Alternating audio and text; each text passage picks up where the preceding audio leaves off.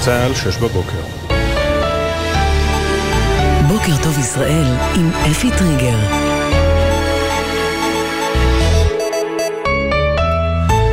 שלום לכם. קבינט המלחמה התכנס הערב לדון במשא ומתן לשחרור חטופים עם סיום הפסגה המדינית בפריז. בלשכת ראש הממשלה טענו כי השיחות היו מועילות, אך יש פערים משמעותיים במגעים לעסקה, בהם עתידים הצדדים לדון בהמשך השבוע בפגישות נוספות.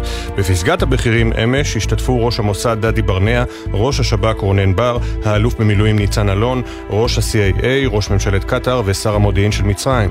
שר הביטחון יואב גלנט אמר אמש בשיחה עם לוחמים, הפעולה הצבאית ברצועה ממשיכה לקדם את השיחות לשחרור חטופים. בזכות מה שאתם עשיתם ועושים, אנחנו מקיימים תהליך של משא ומתן בעניין החטופים. כל עוד יש לנו חטופים, אין לנו זכות להפסיק לחפש. החיפוש והפעולה גם מביא לזה שבקצה מוכנים לדבר איתנו.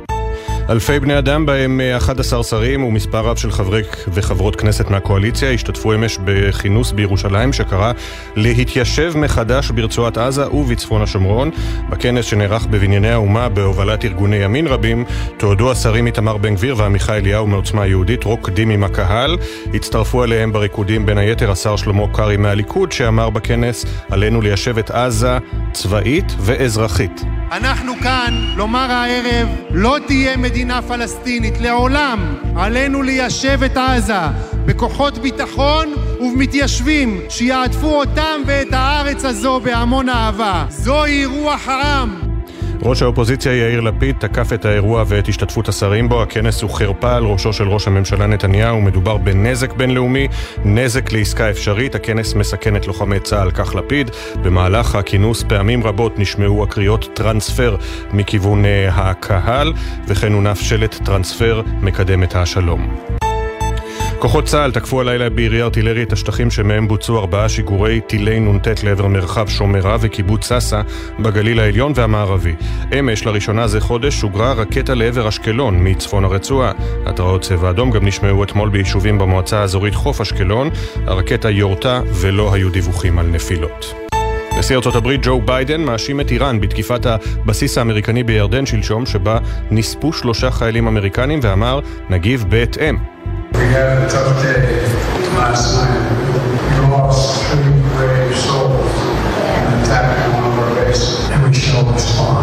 היה לנו יום קשה, אתמול איבדנו שלושה חיילים, שלוש נשמות אמיצות במתקפה על הבסיס שלנו ואנחנו נגיב, כך ביידן בעצרת בחירות בקרוליינה הדרומית. לדבריו, תקיפת הכטב"ם שגרמה גם לפציעת יותר מ-30 חיילים אמריקנים בוצעה בידי ארגונים קיצוניים הנתמכים בידי איראן. שר ההגנה של ארה"ב לויד אוסטין אמר, לא, נעביר, לא נעבור על סדר היום אה, בעקבות התקיפה נגד כוחותינו בירדן, אם איראן עומדת מאחוריה ואנחנו נגיב. נציג איראן באו"ם אמר לסוכנות הידיעות האיראנית אירנה לאיראן אין שום קשר לתקיפות. מצרים הודיעה לפלגים הפלסטינים שבכוונתה למנוע מישראל לפעול בציר פילדלפי, כך דווח הלילה בערוץ הלבנוני אל-מיאדין מפי מקורות בחמאס. לפי הדיווח, מצרים הדגישה בפניהם כי אה, עבורה כל מתקפה על הגבול המצרי-פלסטיני היא מתקפה על הביטחון הלאומי של מצרים. עוד אמרו הגורמים שמצרים מונעת את תוכנית הטרנספר וכי הפלגים סבורים שזו העמדה החשוב, הכי חשובה כדי למנוע תוקפנות באזור הגבול. ועדת הכנסת תתכנס הבוקר לדון בהדחת חבר הכנסת עופר כסיף מסיעת חד"ש-תע"ל, לאחר ש-87 חברי כנסת חתמו על הבקשה להדיחו. היועצת המשפטית לכנסת הגישה אתמול חוות דעת שבה רמזה כי נדרשת מסה קריטית של התבטאויות כדי להוכיח תמיכה במאבק מזוין נגד ישראל, זאת מעבר לעצומה שמאשימה את ישראל ברצח עם שעליה חטף, חתם חבר הכנסת כסיף. הדיון בהדחתו עשוי להימשך גם מחר, ולאחריו תעלה הצעת הפסילה למליאת הכנסת, שם נדרש רוב של של 90 אצבעות. בסופו של דבר העניין צפוי להגיע גם לבחינת שופטי בג"ץ. גביע המדינה בכדורגל, אלופת המדינה מכבי חיפה עלתה אמש לשלב שמינית הגמר בעקבות ניצחון 6-3 על הפועל כפר סבא מהליגה הלאומית רק בהערכה. הכדורגלן תומר חמד שחזר לחיפה לאחר 13 שנה כבש צמד שערים בהופעת הבכורה המחודשת שלו במועדון. מכבי תל אביב אה, עלתה לשמינית הגמר גם כן אחרי ניצחון 2-0 על הפועל חדרה. עולות נוספות לשמינית ממשחקי אתמול היו הפועל נוף הגליל, הפועל אום אל-פחם והפועל ראשון לציון. ובארצות הברית נקבעו זהות, זהות המשתתפות במשחק הסופרבול ב-11 בפברואר. קנזס סיטי צ'יפס תתמודד מול סן פרנסיסקו 49ers, ולשמחתם של המארגנים, קנזס סיטי נמצאת בגמר, כיוון ש... טיילור סוויפט היא כמובן החברה של כוכב הקבוצה טרוויס קלסי וצפויה להיות בקהל במשחק בלאס וגאס. מזג האוויר, בצפון הארץ ובמרכזה צפויים גשמים מדי פעם וייתכנו סופות רעמים יחידות, בעיקר בצפון הארץ. בוקר טוב ישראל עם אפי טריגר. חמש דקות וחצי אחרי השעה שש, גלי צה"ל, בוקר טוב ישראל, בוקר יום שני, 29 בינואר 2024, י' ט' בשבט תשפ"ד. אנחנו פותחים עם uh, הפסגה בפריז, הפסגה המודיעינית שהסתתמה אתמול כצפוי, יש לומר ללא פריצת דרך משמעותית בנוגע לשחרור נוסף של חטופים. עם זאת, בכירים ישראלים אמרו לציטוט שיש התקדמות ראשונית. בלשכת ראש הממשלה הבטיחו שהשיחות תימשכנה השבוע, והערב קבינט המלחמה יתכנס לדון במה ש... Uh, הושג או לא הושג בפריז. כתבנו הפוליטי יובל שגב, שלום. בוקר טוב אפי, אז הפגישה הזאת כאמור אכן מסתיימת ללא הסכמות, ללא התקדמות משמעותית בדרך לעסקת אה, חטופים אה, נוספת, אבל כן עם האפשרות להמשיך לדון במהלך השבוע הזה, בין אם בפורומים הבינלאומיים כמו אותה פסגה אתמול בפריז, ובין אם כמובן כאן בארץ בקבינט המלחמה שצפוי לדון במה שמגיע משם על ידי הנציגים הישראלים כבר היום. בשורה התחתונה אבל, לפחות בינתיים חמאס לא מוכן לקבל לא את ההצעה הישראלית, לא את המצרית שמעט דומה לה, וגם לא את ההצעה הקטרית השונה. אה, הם אה, מתעקשים אה, שם על עסקה שיש לה סוף, שכולל גם את סיום הלחימה, את יציאת כל הכוחות מעזה, וזה כמובן לא נמצא בגבולות הגזרה הישראלים בשלב הזה, וספק אם בכלל, ולכן מקווים בארץ שהלחץ המדיני, יחד עם הלחץ הצבאי, זאת אומרת המשך הפעילות והפגיעה באנשי חמאס ברצועה, לצד לחץ אמריקני על הקטרים שילחצו על חמאס, זה אולי יצליח להביא את ארגון הטרור לאיזושהי נקודת שבירה, בה הוא מסכים לפחות לעסקה חלקית שתצליח להוציא מהשבי עוד אה, מספר אה, חטופים, על עסקה כוללת, על משהו שיחזיר מספר גדול של חטופים, 100 חטופים למשל, כמו שדיברו אתמול בניו יורק טיימס, זה כרגע נראה רחוק מאוד בשלב הזה. תודה יובל. בוקר היום המאה וחמישה עשר ללחימה שבו כוחות צה"ל ממשיכים לפעול בשטח הרצועה. במקביל לפעילות הלוחמים אמש בח'אן יונס וחיסול המחבלים בפאתי שאטי גם שוגרה מצפון הרצועה רקטה לעבר אשקלון. בפעם הראשונה זה חודש ימים.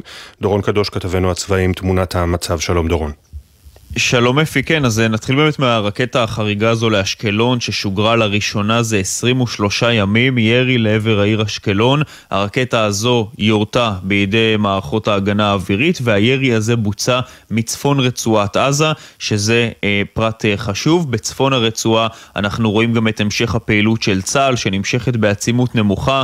לוחמי חטיבה 5 שפועלים במרחב החוף, חיסלו בצפון הרצועה ביממה האחרונה מספר מחבלים בהיתקלויות רבות שהיו להם שם, ואיתרו אמצעי לחימה ומשגרי רקטות. במקביל אפי בדרום הרצועה נמשכת ההתקפה של צה"ל במערב ח'אן יונס. בימים האחרונים נעצרו כ-150 מחבלי חמאס באזור הזה. חלקם נכנעו והרימו ידיים במסגרת הלחימה, חלקם נעצרו במסדרון ההומניטרי שצה"ל פתח להתפנות של אזרחים דרומה, ואמש שר הביטחון גלנט התייחס בשיחה עם לוחמי מילואים להמשך הלחימה ואמר, המחבלים בעזה נכנעים מעל ומתחת לקרקע ומוסרים לנו מידע רגיש על החמאס. ועוד אמר גלנט, כל עוד יש לנו חטופים ברצועת עזה, אין לנו זכות מוסרית להפסיק לחפש אותם. והחיפוש, הוא אומר, לא בהכרח מביא רק לתוצאה מבצעית, הוא גם מביא לזה שבקצה מוכנים לדבר איתנו. התוצאה, הוא מוכן לדבר איתנו, כלומר חמאס מוכן לדבר על עסקת חטופים, ולכן את הלחץ הזה אנחנו נלך ונעמיק, כך שר הביטחון. תודה, דורון. תודה. שש ותשע דקות בדיוק, אנחנו עם כותרות העיתונים. Uh, הכותרת הגג uh, של ידיעות אחרונות היא חשיפה של איתמר אייכנר. הקבינט אישר משלחת של האו"ם תבקר בעזה. לדרישת ארצות הברית, ישראל תאפשר לראשונה למשלחת מהאו"ם להיכנס לצפון רצועת עזה כדי לאמוד נזקים. התנאים של שר הביטחון, חברי המשלחת יסיירו קודם בעוטף, ויבהירו שהביקור בעזה לא מהווה היתר לפלסטינים לחזור לבתיהם. כאמור, חשיפה של איתמר אייכנר. במרכז השער תמונה מכנס הטרנס... הטרנספר, כפי שמכנים אותו בידיעות אחרונות. בניגוד להצהרות נתניהו, שרים בימין קוראים לחזור לרצועה. אנחנו רואים בריקוד סוער את יוסי דגן, שדיברנו פה אתמול, דיברנו איתו פה אתמול, אה, בין איתמר בן גביר, שר לביטחון לאומי, ושר התקשורת הדוקטור שלמה קרעי. כולם אה, רוקדים מחויכים, את התמונה צילם רונן זבולון לרויטרס, נחום ברנע קורא לזה בגלוי מהמקפצה, ורון בן ישי קורא לזה תחמושת להאג. עוד בשער של ידיעות אחרונות, שחוקים על הגדר, חברי כיתות הכוננות ביישובי קו העימות בצפון נלחמים על הבית כבר כמעט ארבעה חודשים, כשהם רחוקים מהמשפחות המפונות ואין מי שיחליף אותם. עכשיו הם מבקשים מצה"ל תוספת כוח אדם למשימות ההגנה המתישות, מדווח יאיר קראוס. והמפקד שאיבד 40 לוחמים אומר ליואב זייתון, החוכמה היא לא לעצור לרגע. לפני מג"ד 77, סגן אלוף שמעון, יש עוד חודשיים של לחימה, אבל הוא לא מוכן להישבר, הדרך הנכונה היא להמשיך. בישראל היום. מידע מפליל על אונר"א הוסתר במשך שבועות, מדווח אריאל כהנא. בישראל רצו לשמר את הגוף היחיד שמתפקד בעזה, והופתעו מחשיפת מחבלי אונר"א על ידי הארגון עצמו. מידע מפליל נוסף עדיין לא מפורסם. גם צרפת ואסטוניה אישרו את המימון. עדי שוורץ כותב, או כותבת, אין שום מקום לסוכנות אונר"א ביום שאחרי. אמנון, אה, עדי שוורץ כותב, אני נזכרתי שיש איורים בישראל היום לכל אה, כותב. אמנון לורד אה, כותב, אונר"א גידלה דורות של מחבלים רוויי רגשות נקם, קנאה ושנאה. עידן אבני כותב, עדיין יש מי שחושב שתושבי הצפון הם שכפ"ץ מול חיזבאללה. כנס הניצחון, כך אה, מכנים אותו בישראל היום, מופיע במלבן קטן בעמוד שלוש... לא, לא, לא קטן, אבל מלבן בתחתית העמוד. 11 שרים השתתפו בכנס הניצחון, מדווח יורי ילון. בן גביר הבהיר כי יתמוך בטרנספר מרצון בדרך להתיישבות בעזה, והתמונה של אורן בן חכון היא קצת מרחוק, אבל על העצומה למען הזה חותמים על הבמה. אנחנו רואים, אם אני לא טועה, זה הגב של השר חיים כץ, שבטוח היה שם. לצידו רואים את uh, השר uh, סמוטריץ', ואם זה יוסי דגן, אז בבקשה שיעביר לי את הדיאטה שלו, uh, שם באמצע. במעריב, והם רוקדים, זו הכותרת הראשית, ריקודי השרים אתמול, אני מזהה שם גם את חבר הכנסת קלנר, אריאל קלנר מהליכוד, בנוסף למי שהזכרנו קודם. בן כספית קורא לזה רוקדים על הדם, ומאיר עוזיאל כותב על תיאטרון האבסורד. מאיר עוזיאל כותב על תיאטרון האבסורד, על התשובה של נתניהו בנוגע לשאלה של יובל שדה, כתב כלכליסט, ששאל מדוע ממשלת נתניהו מתקצבת 35 מיליון שקל לארגונים שהמטרה המוצהרת שלהם היא השתמטות מצה"ל, זה הרגיז את נתניהו, התשובה שלו המשיכה להידרדר, ואז הגיע גם למקום שלא צריך להגיע אליו, כשאמר אני יכול להגיד לך גם איזה עוד דברים אנחנו מממנים, תיאטרונות אנחנו מממנים, זה מאמר כאמור של מאיר עוזיאל. ילד שלא חשוד בשנאה לנתניהו בדרך כלל, וזה גם לא מאמר שנאה כמובן. עוד בעיתונים הבוקר בהארץ, הכותרת הראשית, סוגיית הפסקת הלחימה היא המכשול העיקרי לגיבוש עסקת חטופים. ראשי המוסד ושב"כ דנו בפריז עם ראש ה-CIA ונציגי מצרים וקטאר. בכיר ישראלי אומר מדובר בתחילתה של התקדמות. וכאן כמובן במקום הבולט בשער, בחלק העליון, צילום של אוליביה פיטוסי. והנה מעגל הרוקדים מתרחב, אפשר לראות גם שאת יוסי דגן, שחובק מצד אחד את איתמר בן גביר, חובק מהצד השני עוד שר מעוצמה יהודית, השר הרב עמיחי אליהו. ריקודים בכנס הטרנספר, כותב ניר חסון. אהרון רבינוביץ' מביא תחקיר לא פשוט. על פי הכותרת של הארץ, צה"ל הותיר זירות טבח לזק"א שהתרשל בטיפול בגופות והרבה ביח"צ. התחקיר המלא מופיע בעמוד 3, צה"ל הטיל על זק"א לפנות גופות מהעוטף והיה לזה מחיר. בעת שמתנדבי זק"א פעלו בשטח כבר אחרי 7 באוקטובר, חיילים שהוכשרו לפינוי גופות הושבתו. עדויות מצביעות על רשלנות שפגעה בזיהוי וגם על קמפיין תרומות לצד הגופות. התחקיר המלא, כאמור הלא פשוט, בעמוד 3 בהארץ. בג'רוזלם פוסט התמונה בשער של יחידת טנקים חוזרת אתמול לישראל, יוצאת מהרצועה, צילום של מנחם כהנא, AFP, עם דגלי ישראל על כל טנק וטנק, ומצד ימין, 3 US soldiers killed in Iran-backed attack in Jordan, שלושה חיילים אמריקנים נהרגו בתקיפה בירד, על בסיס בירדן, בתקיפה שתומכת בה איראן. כמובן, אמרנו, שמענו גם הלילה שביידן הודיע, גם ביידן וגם אוסטין הודיעו שהם יגיבו ולא יעברו על זה לסדר היום. הכותרת הראשית של מרכז העניינים, השבועון החרדי, בעריכת חיים פסל, מיסודו של יצחק גרשוני, זיכרונו לברכה, בין בריחה להגנה, על רקע הדריכות הגוברת בגבול הצפון בכמעט ארבעה חודשים, לאחר שמדינת ישראל החלה במרדף אחר מקום הימצאו של יחיא סינואר, מתעוררת מחלוקת מול הממשל האמריקאי סביב שאלת הגבולות ברצועה, הכתבה המלאה בעמוד 6, וגם בחירות קשות, הבחירות לרשויות המקומיות מעמידות לא מעט מתמודדים בין הפטיש לסדן, זה בעמוד 12 במרכז העניינים. בהמשך נחזור עם כותרות עיתוני הכלכלה, ונרחיב עוד אה, על עדכוני הסופרבול, אה, גיליון לאישה, שנע בין אה, הלוחמות לבין אה, ענייני אה, שגרה ועוד ועוד. בינתיים הסיפורים שלנו.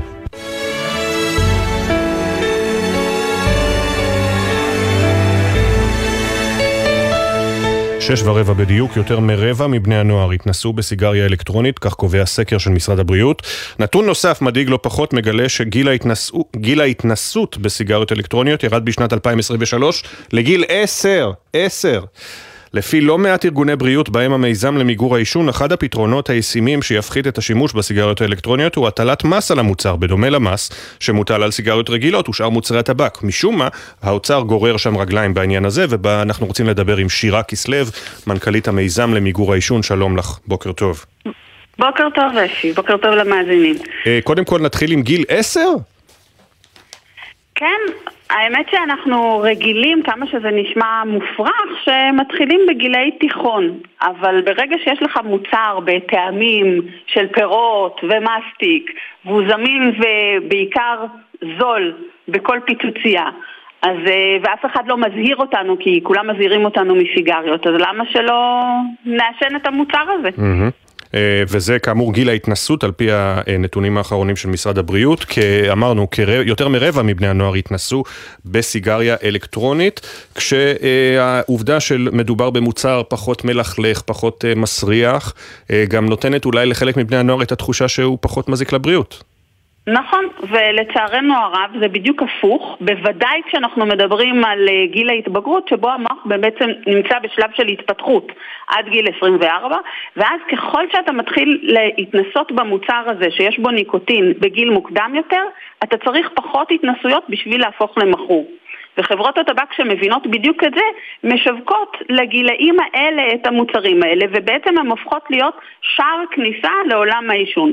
ואז אנחנו רואים ילדים בבית ספר יסודי ובחטיבת ביניים מתנסים בסיגריות האלקטרוניות האלה ובעצם כרגע מה שקורה שבמקום שהמחיר שלהם יהיה גבוה והם לא יוכלו להרשות לעצמם, אה, שר האוצר החליט שהוא לא רוצה למסות את המוצר הזה באותו גובה כמו הסיגריות והוא מעודד בעצם את האוכלוסייה לעבור לעשן סיגריות אלקטרוניות.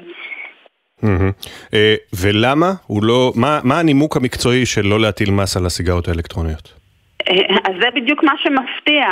בזמנו, כשהיינו עם טבק לגלגול, אז שר האוצר כחלון אמר, אה, אני לא מעלה מיסים. אבל כאן אין בעצם טיעון שאומר אני לא מעלה מיסים, כי עובדה ששר האוצר הנוכחי בוחר להעלות מיסים גם על סיגריות וגם על uh, טבק לגלגול. משרד האוצר מצידו אמר מבחינתנו חייב להיות מס זהה גם על הסיגריות וגם על הסיגריות האלקטרוניות. ושר האוצר הנוכחי שלנו אומר לא, בלי נימוק מקצועי. להפך, הוא הולך כנגד משרד הבריאות.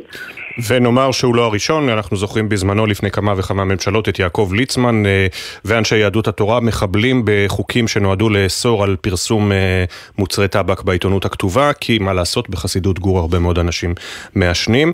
אה, ואני מניח שגם חלק מהעניין של אז השר כחלון היה לא לפגוע בשכבות החלשות, כי מחקרים הראו שבאמת יש יותר מעשנים בקרב שכבות חלשות, אבל אין פגיעה יותר גדולה מהפגיעה בריאות של השכבות החלשות. מה, הם לא מבינים את זה? נכון, ויותר מזה, בעצם מיסוי נחשבת לאסטרטגיה הכי אפקטיבית. אנחנו מדברים פה על התמכרות מאוד מאוד קשה, התמכרות לניקוטין, ואם כבר אנחנו מדברים על זה, אז צריך לקחת בחשבון שזה גם יסייע לאלו שמעשנים, כולל מהשכבות הנמוכות, כי לא יהיה להם כסף, ואז הם יגידו, אוקיי, אנחנו לא נשתמש במוצר הזה, אבל עכשיו בעצם אנחנו מייצרים מוצר זול יותר, שהם ימשיכו לעשן אותו, ובני הנוער, ברגע שלהם אין כסף, הם יוכלו לא, למכור, לא לקנות את המוצר הזה, אבל פה יהיה לך מוצר זול יותר שאפשר לקנות בדמי כיס. ולכן הוא פוגע פעמיים, גם באוכלוסיות המבוגרות, שלא ילכו להיגמל אלא יציעו לעצמם את המוצר הזול הזה, וגם בבני הנוער שייכנסו. הוא בעצם מגדל לנו דור חדש של מעשנים. כן, אה, וצריך לומר גם שהעישון נמצא אצל בני הנוער עוד לפני הסיגריות האלקטרוניות נפוץ בצורה מאוד ברורה, כמו שגם אני רואה את זה אה, כמעט מדי יום בצה"ל, וגם כמובן אה, בעקבות תרבות הפופ, כשהרבה מאוד כוכבים וכוכבנים וכוכבניות אה, מעשנים סיגריות אלקטרוניות ולא מתביישים בזה, נגיד ככה.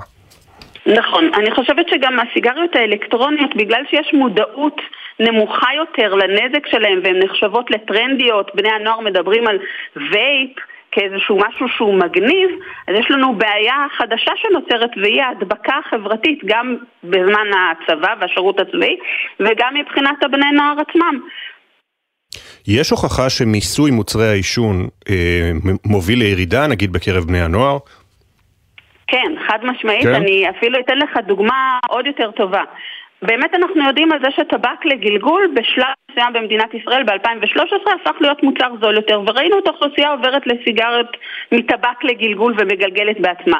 ב-2019 המס הושווה בין טבק לגלגול לבין סיגריות ובמחקר שהמיזם למיגור העישון עשה בשנה האחרונה הראינו שבעצם 2.3% מהאוכלוסייה הפסיק לעשן בעקבות השוואת המס הזאת. ובני נוער הפסיקו אה, לעשן טבק לגלגול כמוצר התחלה ראשוני שלהם, בגלל שהמחיר שלו עלה. לצערנו הרב, מה שקרה זה שהמוצר הזול ביותר הפך להיות הסיגריות האלקטרוניות ולכן אנחנו רואים מעבר אל סיגריות אלקטרוניות. מבחינת חברות הטבק זה מעולה, כי יש להם שער כניסה. מבחינת האוצר, לצערנו, שר האוצר מקבל ככה עוד מס לתוך המדינה. אבל מבחינת האוכלוסייה אנחנו בבעיית נזקים אדירה. בהחלט. אה, שירה כסלו, מנכ"לית המיזם למיגור העישון, ארגוני בריאות פנו אל שר האוצר כדי שלא, שיטיל מס על הסיגריות האלקטרוניות ויפסיק להפקיר את בני הנוער כהגדרת ארגוני הבריאות. אה, נקווה שתצליחו, תודה רבה שדיברת איתנו. תודה לך.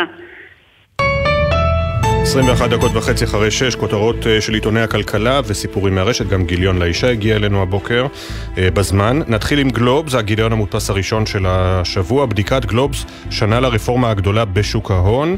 כולם הרוויחו לפחות בינתיים. רועי ויינברגר בודק ומוצא, ציבור החוסכים לפנסיה נהנה מתשואה גבוהה, נהנה מתשואה גבוהה יותר ב-2023, ומומחים לשוק ההון מסכימים שרפורמת האג"ח המיועדות, שבין היתר חייבה את המוסדיים להשקיע בישראל, סייעה לבורסה המקומית להתאושש בשנת משבר, האם גם קופת המדינה תרוויח מביטול המנגנון של הנפקת אג"ח מיועדות לפנסיה. רועי ונברגר עם הכתבה והנתונים בעמוד 2. בתחום הבלעדי, אסף זגריזק מדווח שהמדינה תפצה את מפעילות האוטובוסים בתמורה לעצירת דיבידנדים לשנה. אגד ודן התנגדו לעצירת הדיבידנדים והן לא יקבלו מהמדינה פיצויים בגין המלחמה. לגלובס נודע שמפעילות האוטובוסים הגיעו להסכם פיצויים עם המדינה על אובדן ההכנסות מדילול קווים עקב המלחמה. כדי שהסיוע שעומד על 100 מיליון שקל לא ישמש לרווח רווחים, הוא הותנה בהשתתפות בעלי החברות ובאי חלוקת דיבידנדים עד סוף השנה. אגד ודן סירבו לתנאים. הידיעה הבלעדית, הסיפור הבלעדי בעמוד 6 בגלובס. במדור הציטוטים היומי, ציטוט מפורסם מאוד של וינסטון צ'רצ'יל, אבל הזדמנות למי שלא מכיר, דמוקרטיה היא צורת השלטון הגרועה ביותר, חוץ מכל השאר. דמוקרטיה היא צורת השלטון הגרועה ביותר, חוץ מכל השאר, וינסטון צ'רצ'יל. בכלכליסט, הכותרת הראשית עם תמונת שר האוצר, הממשלה מפרה את חוק התקציב כדי להסתיר את הכספים הקואליציוניים. כך אה, קובע צבי זרחיה, שר האוצר מעכב את הגשת התקציב המעודכן. הוא יוגש לכנסת באיחור של עשרה ימים מהמועד הקבוע בחוק. הסיבה, מרוץ להכנסת הכספים הקואליציוניים לבסיס התקציב, כך שלא ניתן יהיה לבטל אותם בעתיד. לפי גורמים מקצועיים באוצר, הכנת התקציב להגשה לכנסת הסתיימה, אך השר נמנע מלהגיש מחשש לביקורת ציבורית וקושי באישור התקציב. התקציב עם הכספים הקואליציוניים בשעת חירום. הכתבה המלאה בעמודים 2-3, כזכור, הכספים הקואליציוניים בתקציב 2024 עומדים בהיקף של עד חמיש, של 5 מיליארד ו-700 מיליון שקל.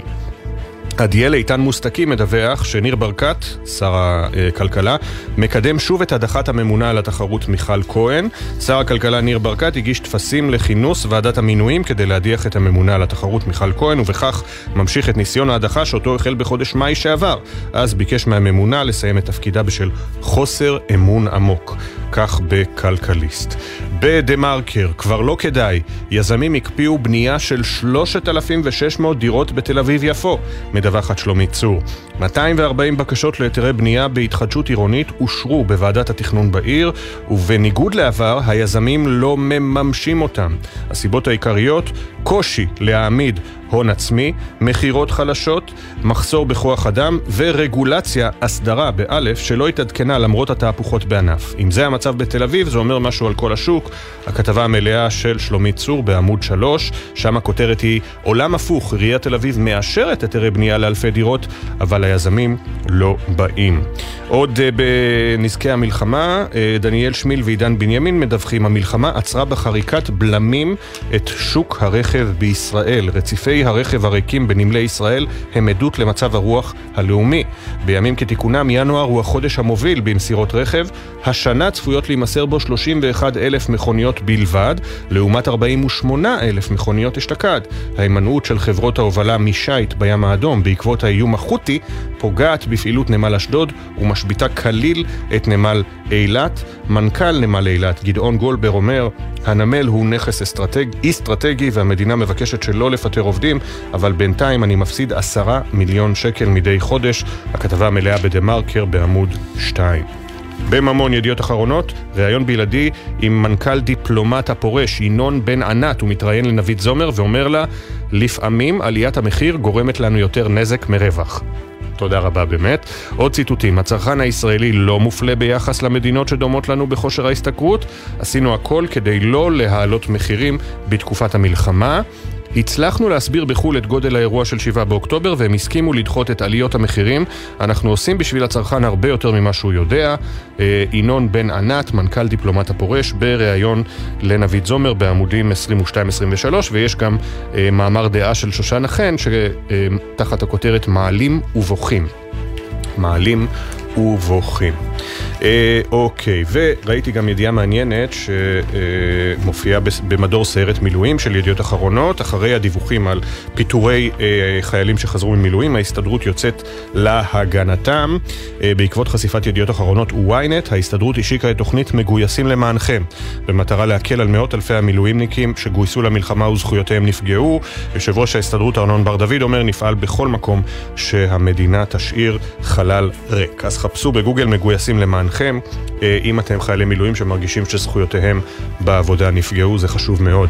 אה, הנה גיליון לאישה, בשער עמית פרקה שמשחקת בסרט המנצחים, הוא מספרת על הגעגועים לאחיה, שנהרג במלחמת לבנון השנייה ב-2006, ועל האימהות, האימהות, סליחה, ועל האימהות לשני קטנטנים, כשבעלה במילואים מאז השבעה באוקטובר. עוד בשער, 35 בנות זוג של לוחמי מילואים מאותו גדוד יצרו לעצמן קבוצת תמיכה. אה, לוחמות עוברות לנטילה רצופה של גלולות נגד הריון כדי להימנע ממחזור. מולי לנצמן יצא למסע בלשי בעקבות אוסף אומנות שנגזל ממשפחתה, יצאה, סליחה, מולי לנצמן יצאה למסע בלשי בעקבות אוסף אומנות שנגזל ממשפחתה על ידי הנאצים ושווה הון. למה עזבנו את הבית המפואר בלוס אנג'לס וחזרנו לישראל דווקא עכשיו? טיפים של נשים שמסתפרות לבד, ואפילו לנועה קירל יש פזוזה. אתם שמעתם על הדבר הזה? פזוזה? המזוזה שהפכה ללהיט. מי יודע מה זה, אוקיי. אמ, אחת המאזינות הקבועות שלנו שואלת אותי, אחרי חדשות השעה 6 ותיאור העיתונים, אה, מדוע, נשים רגע את הטרנספר בצד, ככה היא כותבת, את בני גנץ כמעט שחטו כי שתה וויסקי בזמן מלחמה, ועכשיו שרי ממשלה שאחראים על שחרור החטופים רוקדים כאילו ניצחנו וכולם חזרו הביתה. אז כאמור, אה, הריקודים הם לא דווקא מעידים על כך שהם מאושרים מתוצאות המלחמה, אלא יש להם גם אלמנט לעיתים יותר, נקרא לזה, של הבאת הניצחון בעתיד ופנייה לשמיים. לפני שנצא לכמה הודעות, אה, אני אספר לכם שמארגני משחק הסופרבול, ה-NFL, בעננים, הקבוצה של טרוויס קלסי, קנזס סיטי צ'יפס, שהיה חשש שלא תצליח, אה, שהיא גם האלופה המכהנת, לא תצליח לעלות למשחק הסופרבול, הצליחה לעלות לסופרבול הלילה. אה, למה הם מאושרים? כי החבר של טרוויס קלסי הוא כמובן טיילור סוויפט. ולאורך כל העונה, כל משחק סופרבול שטיילור סוויפט הייתה בקהל, שבר את שיאי הרייטינג בערוץ שבו הוא שודר, כולל שבוע אחרי שבוע.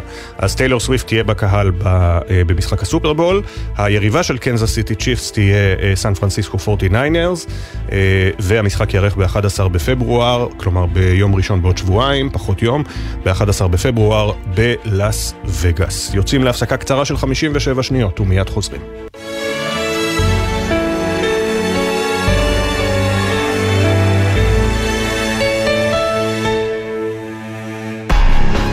מאזינים לגלי צה"ל. עכשיו בלוטו 22 מיליון שקלים, ובדאבל לוטו עד 44 מיליון שקלים. המכירה אסורה למי שטרם מלאו לו 18. אזהרה, הימורים עלולים להיות ממכרים, הזכייה תלויה במזל בלבד. יחד במלחמה. מה עושים כשמשעמם פה? שומעים גל"צ, שומעים רדיו, תוכנית טובה, בואנה אשריכם, שימחתם אותנו ככה פה בעזה קצת. כל מה ששומעים בגלגלצ, כל הכבוד לחיילים, ודברים כאלה, ואפילו בתחזית במזג האוויר שאומרים את הטמפרטורה בעזה, זה נחמד מאוד. זה עוזר לנו לדעת מתי יש גשם, איך להתכונן לקראת זה, קר, חם, צפון הרצועה אנחנו שומעים. עכשיו אתם כבר בדרום. כן, עכשיו, אחרי חודשיים, שומעים הכל, כל היום, ברוך השם אתם עושים לנו שמח. גלי צה"ל, פה איתכם, בכל מקום. בכל זמן. עכשיו בגלי צה"ל, אפי טריגר, עם בוקר טוב ישראל. שש ושלושים הכותרות. קבינט המלחמה התכנס ערב לדון במשא ומתן לשחרור חטופים עם סיום הפסגה המדינית בפריז. בלשכת ראש הממשלה טענו שהשיחות היו מועילות, אך יש פערים משמעותיים במגעים לעסקה, בהם עתידים הצדדים לדון בהמשך השבוע בפגישות נוספות. בפסגת הבכירים השתתפו אמש ראש המוסד דדי ברנע, ראש השב"כ רונן בר, האלוף במילואים ניצן אלון, ראש ה-CIA, ראש ממשלת קטאר ושר המודיעין של מצרים. שר הביטחון יואב גלנט חזר אמש בשיחה עם לוחמים על עמדתו שהפעולה הצבאית ברצועה מקדמת את השיחות לשחרור חטופים. בזכות מה שאתם עשיתם ועושים, אנחנו מקיימים תהליך של משא ומתן בעניין החטופים. כל עוד יש לנו חטופים, אין לנו זכות להפסיק לחפש בחיפוש והפעולה גם מביא לזה שבקצה מוכנים לדבר איתנו. אלפי בני אדם, בהם 11 שרים ומספר רב של חברי וחברות כנסת מהקואליציה, השתתפו אמש בכינוס בירושלים שקרא להתיישב מחדש ברצועת עזה ובצפון שומרון. בכינוס שנערך בבנייני האומה, בהובלת ארגוני ימין רבים, תועדו השרים איתמר בן גביר ועמיחי אליהו מעוצמה יהודית, רוקדים יחד עם אה, השר שלמה קרעי מהליכוד וחבר הכנסת אריאל קר, קלנר מהליכוד. כמו כן נשמעו קריאות בעד אה, טרנספר, אה, והשר קרעי אמר עלינו ליישב את עזה צבאית ואזרחית. אנחנו כאן לומר הערב לא תהיה מדינה פלסטינית לעולם. עלינו ליישב את עזה בכוחות ביטחון ובמתיישבים שיעטפו אותם ואת הארץ הזו בהמון אהבה. זוהי רוח העם. ראש האופוזיציה יאיר לפיד תקף את האירוע ואת השתתפות השרים בו. הכינוס הוא חרפה על ראשו של ראש הממשלה נתניהו. מדובר בנזק בינלאומי, נזק לעסקה אפשרית וגם סכנה ללוחמי צה"ל, כך לפיד. כוחות צה"ל תקפו הלילה בירי ארטילריה את השטחים שמהם בוצעו ארבעה שיגורים של טילי נ"ט לעבר מרחב שומרה וקיבוץ סאסא בגליל העליון ובגליל המערבי. אמש לראשונה זה חודש שוגרה רקטה לעבר אשקלון מצפון הרצועה. התרעות צבע אדום גם נשמעו ביישובים במועצה האזורית חוף אשקלון. הרקטה יורתה ולא התקבלו דיווחים על נפילות. עדכוני תנועה לנהגים מגלגלצ בכביש 6 דרומה יש עומס תנועה ממחלף בקה עד אייל, כביש החוף דרומה עמוס מאור עקיבא עד קיסריה וממחלף נתניה עד מחלף פולג, כביש 65 עמוס מצומת מי עמי עד מחלף עירון. מזג האוויר בצפון הארץ ובמרכזה צפויים גשמים מדי פעם ותיתכן אסופות רמים יחידות, בעיקר בצפון הארץ. 6.33, בוקר טוב ישראל. אחד הדברים החשובים לאקדמיה בישראל הוא פרקי הכשרה והשתלמויות של אקדמאים בחו"ל. ובתקופה מתוחה שכזו, קשרים בינלאומיים נפגעים, וכך גם הכשרה של אנשי אקדמיה ישראלים מסביב לעולם. מסקר שנערך בקרב יותר מאלף חברי סגל אקדמי בכיר באוניברסיטאות, עולה כי קיים חשש אצל חוקרים רבים מהפסקת מימון מחקרים וביטול שיתופי פעולה. הסקר נערך במטרה למפות את הפגיעה ולנסות לזהות דרכי התמודדות אפשריות האם בכלל אפשר להתמודד עם זה בעת הזו? איתנו הפרופסור איתי הלוי ממכון ויצמן למדע ויושב ראש האקדמיה הצעירה. שלום, בוקר טוב. בוקר טוב, אפי. קודם כל, מה זה האקדמיה הצעירה? האקדמיה הצעירה אה, היא גוף שפועל אה, בחסות האקדמיה הלאומית. אנחנו 30 אה, חברות וחברי סגל שנבחרו לכהן ארבע שנים, מתחת לגיל 45. במהלך ארבע השנים האלה אנחנו נבחרים על, על, על בסיס מצוינות מחקרית. במהלך ארבע השנים האלה אנחנו פועלים לשיפור האקדמיה והחברה בישראל. וערכתם את הסקר הזה, קודם כל מה, הרגשתם, כמו שאומרים, מהשטח את הצורך בבירור הנתונים?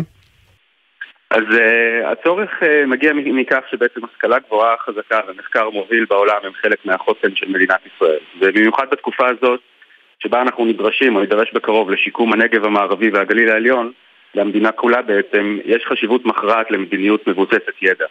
ובזה יש לאקדמיה תפקיד מרכזי. אז מתוך הבנת התפקיד הזה רצינו להבין מה מידת הפגיעה במחקר כתוצאה מה-7 באוקטובר, מהמלחמה, ומגילויי השנאה בעולם, ולכן ערכנו את הסקר הזה אה, שערכנו אותו יחד עם אה, אפיק, אה, פורום הפרופסוריות באוניברסיטאות. ובסקר שאלנו לא רק על הפגיעה, אלא גם על דרכי ההתמודדות איתה. אז בואו נדבר קודם כל על הפגיעה. רוב הנשאלים, רוב גדול, אומרים שהם באמת חוששים מפגיעה. נכון. ארבעת המסרים העיקריים מהפגיעה בעצם הם ש... אה, באמת דווחה פגיעה משמעותית במחקר, בשגרה ובמצב הנפשי של, אה, של החוקרות והחוקרים שהשיבו, אה, יותר מאלף משיבים. דיווחו לא רק חשש, לא רק פגיעה משמעותית שכבר הייתה, אלא גם חשש לפגיעה עתידית בנושאים שקשורים לבינלאומיות של המחקר, שיתופי פעולה בחו"ל, זכייה במענקים מקרנות מחקר בינלאומיות, פרקי הכשרה בחו"ל, כמו שציינת, הפגיעה הייתה אה, משמעותית יותר בקרב נשים ובקרב אה, חוקרות וחוקרים בדרגות, בדרגות הנמוכות, בדרגות אה, של מרצה ומרצה בכיר וכאלה ללא קביעות. זה לא מפתיע, זה משהו שרואים אותו בהרבה סקרים, ש... שהמצב בדרך כלל יותר קשה בקרב נשים. כולל פגיעה במצב הנפשי, כי חוששים למשל מאפשרות של אובדן פרנסה, אנשים שעוד לא קיבלו קביעות. בדיוק, בדיוק. אמ, והדבר האחרון הוא שדרכי הפעולה המומלצות בעצם עוסקות בעידוד אה, קשרי מחקר בינלאומיים ובעזרה לחוקרות צעירות עם, אה, עם ילדים צעירים. אה, ועכשיו השאלה כמובן, מה, אומר, מה אומרים הנחקרים, הנבדקים לגבי פתרונות אפשריים? אז הפתרונות האפשריים הם, הם קשורים לאופי הפגיעה. הפגיעה שמדווחים עליהם, מעבר כמובן לפגיעה הישירה שעליה מדווחים כחמישה אחוז מהסגל על פגיעה אה, בהם או במשפחתם. אה, אז אה, יש, הפגיעה בעצם היא זה שרבים מהסטודנטים וחלק מהסגל עצמו או מבני או בנות הזוג שלהם גויסו למילואים, המסגרות החינוכיות של הילדים לא פעלו יותר מחודש בחלק מהמקומות, חברי קבוצות מחקר זרים עזבו את הארץ, חלקם חזרו, חלקם עדיין לא, בוטלו כל מיני ביקורים של קולגות ונסיעות של החוקרות והחוקרים לכינוסים מקצועיים אז בעצם הפתרונות אה, המוצעים הם, אה, נוגעים אה, לאופי הפגיעה, בעיקר מדובר על, על עידוד קשרים בינלאומיים, חיזוק קשרים בינלאומיים עם קולגות, על ידי הזמנה של קולגות לבלות פרקי זמן בישראל, על ידי מלגות לסטודנטים ופוסט-דוקטורנטים זרים לבוא לעבור פרקי הכשרה בישראל, על ידי עידוד אה, אה, מימון משותף בין חוקרים ישראלים לחוקרים מחו"ל. בעצם כל הפעילויות האלה הן פעילויות שמצריכות מימון לשם כך. ומודעות, וכמובן עזרה גם לחוקרות בשלבים מוקדמים בקריירה שלהן, בעיקר כאלה עם ילדים בגילאים של אה, בית ספר יסודי ומטה. אני אשאל אה, שאלת אה, תם שבטח רבים מהמאזינים שלנו שואלים את עצמם עכשיו. Mm-hmm. סביר להניח שרבים מהחוקרים האקדמיים לא ששים עכשיו, הישראלים, לנסוע להרווארד או לאוניברסיטת קולומביה עם האווירה הציבורית שם ולקיים שם מחקרים משותפים. זה נכון, התחושה, התחושות הן באמת קשות. הרבה אנשים ביטלו נסיעות לכנסים בחו"ל או שבוטלו להם טיסות. אה, ולא ששים לחדש את הטיסות ולנסוע בזמן הזה, אבל אה, חשוב מאוד להדגיש את החשיבות של, ה, של פרקי ההכשרה האלה בחו"ל ושל שיתופי הפעולה האלה בחו"ל. אם אנחנו אה, נסגר בדלת אמותינו ונעביר את כל, ה, את כל פרקי ההכשרה שלנו אה, כאן בארץ, אה, נזין את עצמנו, אה, נפרה את עצמנו, זה יפגע בסופו של דבר אה, באיכות המחקר בישראל ובתפקיד המוביל שהאקדמיה הישראלית אה, תופסת בעולם. אה, אי אפשר, אה, זה לא, זה לא יהיה נכון להתבודד למרות המצב הלא נעים כרגע בקמפוסים בחו"ל. הפרופסור איתי לוי, מכון ויצמן למדע, יושב ראש האקדמיה הצעירה, תודה רבה לך על הדברים. תודה רבה, אפי, יום טוב. יום טוב. 6.39, מחיר המלחמה ממשיך אה, להיראות בבתי העלמין אה, וגם עם אה, עוד לבבות שנשברים. משפחת יגר נפרדה אתמול מרב סמל מתקדם במילואים אלירן יגר, זיכרונו לברכה, הבעל, האב, הבן, האח, שהיה לוחם בגדוד ההנדסה 8170 בחטיבת גבעתי. אלירן נפל בסוף השבוע שעבר בקרב בדרום הרצועה, ואתמול הובא למנוחת עולמים בבית העלמין קריית שאול, והוא בן 36 במותו. פרידה מגיבור, הכתבה של יובל מילר. שעות ארוכות לפני שמשפחת יגר נפרדה מאלירן, הבן, הבעל, האח והלוחם, עשרות מילאו את רחוב הקליר בתל אביב בדגלים ועמדו דום, למרות שמרביתם לא הכירו את המשפחה כלל. רב סמל מתקדם במילואים אלירן יגר, לוחם בגדוד ההנדסה 8170 בחטיבת גבעתי, נפל ביום חמישי בקרב בדרום רצועת עזה. אתמול הוא הובא למנוחת עולמים בבית העלמין קריית שאול. אלירן היה מהנדס מדופלם. בגיל 13 ביקש סוס במתנה, למד לרכוב עליו והצליח לרתום גם את אחיו הגדול לידור למסעות משותפים. מאז החיבור בין השניים נעשה בלתי אמצעי. אהוב שלנו, זה לא נתפס שאתה כבר לא איתנו. פעם רכבנו בשבילים לבנים, פעם בסינגלים מאתגרים, סובב תל אביב, סובב ירושלים. אלירן הבטיח לאיתן שיוכל לישון באוהל. אלירן, אתה איננו. סובבים הבאים כנראה שסובב לבד, מוצף בזיכרונות וגעגוע. כמעט בכל סוף שבוע רכבו יחד אל תוך שדות עמק סורק, כי הטבע היה בית של אלירן, שם הוא הרגיש שלם. שם הוא רץ, טייל, רכב על אופניים, ואפילו חלם ללמד את הילדים לבנות אוהלים ולבנות מטוסים. יומיים לפני שנפל כתב לאלמנתו ראיה, אני נזהר אבל המוות הוא אקראי. אתמול היא נפרדה בגעגוע. ידעת להרגיע אותי, לתמוך בי ולאהוב אותי, בדיוק כמו שהייתי צריכה. זה אפשר לי לצמוח ולפרוח. למרות שהיית אבא מדהים, רצית כל הזמן ללמוד ולהיות אבא טוב יותר. העברתם ביחד אין סוף שעות של בנייה בלגו ובמגנטים. נשחק איתו כדורסל וירים אותו לקלוע. מי יכין לו בשבת בבוקר. גדוד ההנדסה של אלירן היה שייך לחטיבת השריון בה לחם אביו במלחמת ששת הימים. אז היה חשוף האב בצריח ואיבד לא מעט מחבריו. אתמול נפרד מהבן. תמיד נזהרתי לא להזכיר את עברי הקרבי, לא לעודד אתכם שלושת בניי לרצות להוכיח את עצמכם. כאן במקום הזה מונחים גם רבים מחבריי שנפלו בקרבות ששת הימים. אנחנו הולכים להתמודד ולהיות ראויים למורשת הקרב שהשארת, להתנהלות המופלאה שלך. על אלירן אמרו שהיה מסוג האנשים שלא יוצאים מהלב, חיוך כובש, נפש עדינה ורכה ואהבת האדם. יהי זכרו ברוך. אלירן יגר, זיכרונו לברכה. אנחנו ממשיכים הבוקר במיזם שלנו מאחורי השמות. מדי בוקר מספרים כאן משהו קצר על כל נרצח ונופל, אנקדוטות שאת חלקן בני משפחה וחברים שלחו לנו. נעשה זאת על כל אחת ואחד מאחורי השמות.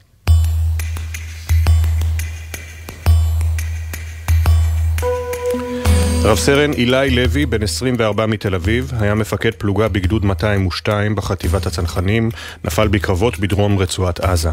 אילי הקדיש את מירב זמנו לכדורסל, ושלט בכדור הכתום ביד רמה, עד שפרש כדי להתאמן לקראת השירות הצבאי.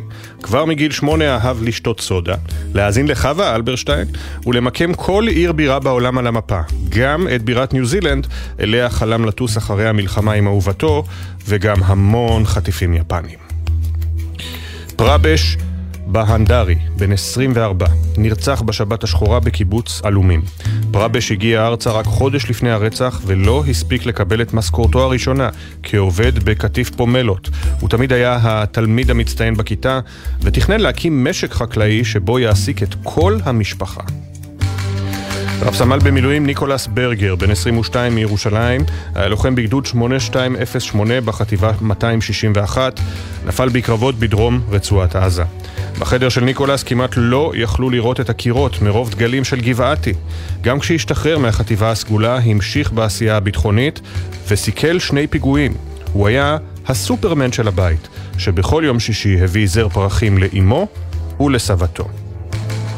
האחים פונקטפ ואפיצ'ארט קוסרם נרצחו בשבת השחורה. פונקטפ בן ה-26 אמנם היה האח הצעיר, אבל הראשון שהגיע ארצה מתאילנד, ושכנע גם את אחיו בן ה-29 ללכת בעקבותיו. הם שמרו על קשר חם ואוהב עם משפחתם שנותרה מאחור, וחלמו לרכוש לאביהם טרקטור בכסף שחסכו.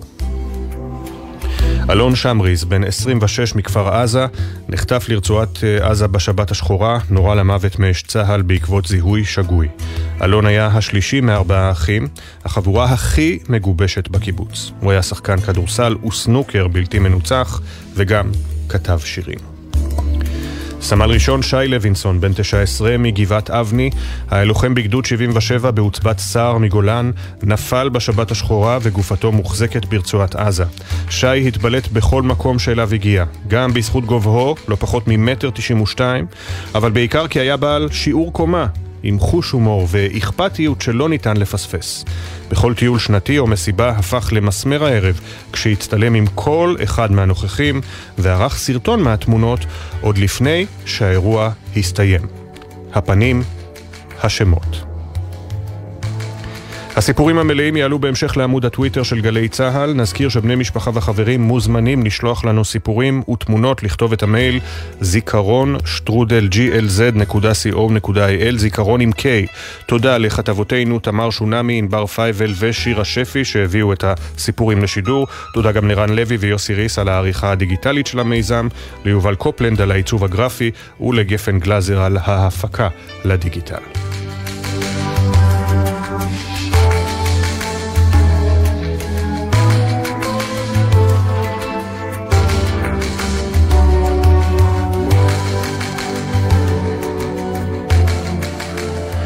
רבע לשבע פחות חצי דקה, פינת הפרשנים שלנו הבוקר עוסקת אה, בנושא ועדת החקירה הממלכתית. אה, ראש השב"כ, על פי אה, דיווח של ירון אברהם באולפן שישי, דרש להקים ועדת חקירה ממלכתית כבר עכשיו, בין היתר בעקבות פארסת טלי גוטליב עדנה קרנבל, שגם השרה מירי רגב הצטרפה אליה בישיבת הקבינט. ראש הממשלה בנימין נתניהו במסיבת העיתונאים שלשום אמר שמי שיחליט הוא הדרג הממנה, הדרג המדיני ולא הממונים, ובכל מקרה הוא נגד חקירה שמתקיימת עכשיו. האם יש אה, הצדקה להקמת ועדת חקירה ממלכתית עכשיו? האם אפשר להסתפק בחקירה של מבקר המדינה, בצוותים המקצועיים שרצה הרמטכ"ל להקים? איתנו העורך דין אלירם אה, בקל, שייצג בעבר אישי ציבור בוועדות חקירה ובהליכי בדיקה. שלום, בוקר טוב. בוקר טוב. הוא סגן אלוף במילואים שוש רבן, יוצאת אה, צה"ל כמובן, לשעבר בכירה בשב"כ, חברה בתנועת הביטחוניסטים, שלום לך, בוקר טוב. בוקר טוב, יום טוב, צורות טובות. סגן אלוף במילואים שוש רבן, אה, הארץ חורשת אה, קונספירציות שבעבר היו נשארות בצל האפל של האינטרנט, אבל מה לעשות, אה, עלו והגיעו עד לישיבת הקבינט, כמו אותו סיפור על אה, אה, לוחם השב"כ שהוא בעלה של ושלכאורה דיבר עם יחיא סינואר, או בעצם בגד במדינה. על הרקע הזה את יכולה להבין את הדרישה או הבקשה של, הוא לא יכול לדרוש, הבקשה של ראש השב"כ להקים ועדת חקירה ממלכתית עכשיו? תראה, אנחנו בעידן כזה שכנראה הגעתי למסקנה שלא נצליח להימנע מקונספירציות, משמועות, מחרושת, אנחנו בעידן של תקשורת, כל זה תמיד יהיה ויהיה אה, אה, ברקע. והשאלה אם על בסיס הדבר הזה אנחנו צריכים לקבל החלטות. ובעיניי, לקיים עכשיו אה, ועדת חקירה ממלכתית זו טעות, טעות חמורה אפילו הייתי קוראת לזה. Mm-hmm. אני כמובן בעד הקמת ועדת חקירה ממלכתית, אגב, רחבה, כוללת, מקיפה, לא חלקית, לא כמו שהוצע בעבר על ידי, אה, אה, אה, נדמה לי, בן גנץ. את צריכה להיות ועדה אחת שהיא בודקת ממסד ועד טפחות, אבל לא עכשיו. זו השורה התחתונה. מבקר לא... המדינה כן רוצה לבדוק עכשיו. בודק. מבקר המדינה, שוב, אני אומרת, מבקר המדינה זכותו עומדת לו, אבל אני אומרת, אם אנחנו רוצים עכשיו שאנשינו, שהמערכת הצבאית, ביטחונית, במקום להתרכז במלחמה, בלהכריע את האויבים האמיתיים שלנו, בלהכריע את החמאס במערכה כל כך הרת גורל, אם אנחנו רוצים עכשיו לאבד את הקשב שלנו מהמערכה הזו לטובת מערכה אחרת, שהיא לא פשוטה, שאנחנו יודעים מראש היא מערכה לא פשוטה, אנשים יצטרכו להיערך לה, אנשים יתעסקו איתה, הקשב שלהם ילך לדבר הזה גם בדרג הביטחוני, גם בדרג הצבאי, גם בדרג המדיני. אם אנחנו רוצים ומוכנים לשלם מחיר כל כך כבד, אז בבקשה, אני לא חושבת שאף אחד רוצה ואף אחד לא מתכוון לזה. אני גם לא בטוחה שראש השב"כ, כשהוא אמר אני רוצה ועדת חקירה ממלכתית, הוא התכוון לכאן ועכשיו. הוא פשוט מביע את הנכונות והרצון שלו לקיים ועדה כדי לחסל את חרושת השמועות ולשים להם קץ ולהראות את הנכונות שלו לדבר הזה. Mm-hmm. אבל אני בטוחה שהוא מתכוון לזה ביום שאחרי אף בר דעת, בטח לא אחד שבא מתוך המערכת ומבין את המשמעות וההשלכות של קיום ועדה בעת הזאת, לא יסכים לזה. לא עורך... יוצא בזה כן. ולא יכוון לזה. עורך הדין אלירם בקל, כאמור ייצג אישי ציבור בוועדות חקירה ובהליכי בדיקה. אה, קודם כל, אתה גם, אני מניח, מסכים שוועדת חקירה ממלכתית היא המוסד המתאים במקרה של אה, 7 באוקטובר והמחדלים שהובילו אליו. כן, אני, אני חושב שקשה לחשוב על מקרה מובהק יותר, אה, אולי אה, מלחמת יום הכיפורים, שהצדיק, אה, שמצדיק את השימוש בכלי החשוב הזה של ועדת חקירה ממלכתית, שבוחנים את כל החלופות שעומדות על הפרק, ועדת בדיקה ממשלתית, הליכי בדיקה על ידי מבקר המדינה, הליכי בדיקה פנים צבאיים. ועדת חקירה ממלכתית היא המוסד שמתאים ביותר לחקור, אה, ואני חושב שהוא גם המוסד שבסופו של דבר זוכה לאמון הציבורי אה, הרחב ביותר. ובסופו של דבר לא יהיה מנוס מלעשות בו שימוש. לגבי העיתוי של הקמת הוועדה, אני חושב שבמצב דברים או אידיאלי, אופטימלי, אפשר אולי היה לחכות עם הקמת הוועדה, אבל במציאות שאנחנו נתונים בה, כאשר הלחימה, אני, אני בכוונה עושה שימוש בשימוש, בביטוי לחימה ולא דווקא מלחמה, כאשר מצב הלחימה עשוי להימשך עוד אה, תקופה ארוכה, כאשר הליכי בדיקה אחרים כבר מתחילים, אה, כאשר יש אה, איזשהו מחול שדים שאנחנו עדים לו, התנצחות בין לשכת הרמטכ"ל ללשכת אה, מבקר המדינה לגבי הבדיקה הצבאית לעומת הליכי הבדיקה של מבקר המדינה, כדאי כבר לאחוז את השור בקרניו, להודיע לפחות על הקמת ועדת בדיקה ממלכתית. אה, מי, שחש... מי שחושב שברגע שמוקמת הוועדה מתחיל אה, מצעד של אה, מפקדים שעולים בסך ויוצאים מתוך שדה הלחימה ונחקרים, זה לא המצב. ועדה, הוועדה מוקמת, נבחרים... אוספת חומרים שלה... במשך כמה חודשים אולי אפילו. נבחרים חבריה, זה גם דבר שלוקח זמן, צריך לבחור אותם בקפידה, לא... בטח בסיטואציה הזאת. באירוע שמערב גם היבטים מדיניים, גם היבטים אה, צבאיים. אה, היא אוספת, היא, היא אוספת חומרים, איסוף החומרים כשלעצמו, ואני אומר את זה מניסיון של ועדות בדיקה, ועדות חקירה קודמות, איסוף החומרים כשלעצמו לוקח חודשים רבים. Mm-hmm. אז אה, אה, אפשר לשים את הדבר הזה כבר על השולחן, לעצור את ההליכים האלה שבסופו של דבר הולכים להסתבר כהליכים מיותרים, אני לא יודע מה המוטיבציה והמניעים של מי ש... שמנסה לקדם אותם כבר אה, בעת הזאת, כאשר ברור שבסוף לא יהיה מנוס מוועדת חקירה ממלכתית ולהתחיל את התהליך הזה. אגב, בוא נזכיר ש...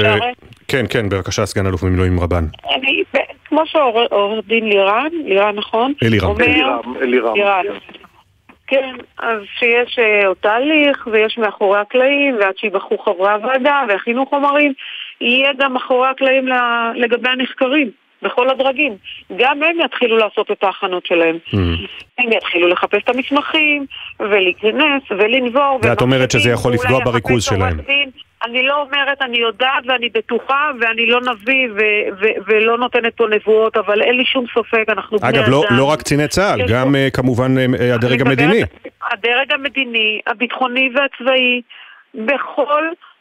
בכל, בכל דרגה, ואני אומרת שוב, אם אנחנו רוצים עכשיו אה, לתת פרס גם לאויבינו, לאויבינו, כי הרי הדבר הזה יתחיל לזרוע סוג של פילוג והאשמות ומי אמר למי ומתי ובאיזה עניין ואם אנחנו רוצים לראות את סינואר וחבר מרעיו יושבים ומסתכלים עלינו, מאשימים אחד את השני ו- ו- ואומרים כמה היינו גרועים ואיך הגענו למחדל כל כך חמור אז, אז בואו בוא נשחק לידי אויבינו אבל למה לנו לעשות את הדבר הזה עכשיו? הרי זה פרס מאוד מאוד גדול, זה יחליש אותנו, ואנחנו הרי אפילו לא בתחילת הדרך. יש לנו דרך ארוכה. רבותיי, אם לא היה מדובר במלחמת קיום, אז הייתי אומרת, ניחא, בסדר, עוד סבב קטן, אז נעשה את זה תוך כדי אין ביטווין, אבל זה לא הסיפור פה. אנחנו במערכה גורלית על קיומה ועל גורלה של מדינת ישראל. כן. ליטרלי, זה לא... עורך הדין בקל, אה, ריבטל, כמו שאומרים? זהו, אני באמת רוצה להתייחס לדברים, אני אתייחס לזה גם בהיבט העובדתי וגם אולי בהיבט הנורמטיבי. בהיבט העובדתי אני חושב שאנחנו, אסור לנו להיות תמימים.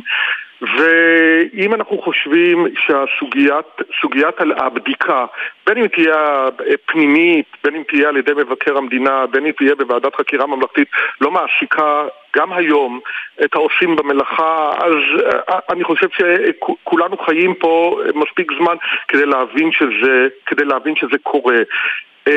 אבל אני רוצה להגיד אמירה שבעיניי קצת חשובה יותר בהיבט הנורמטיבי. צריכים לנתק ו- ואולי זה אחד מהדברים שהאסון הנורא צריך לחדד בספירה הציבורית שאנחנו מצויים בה.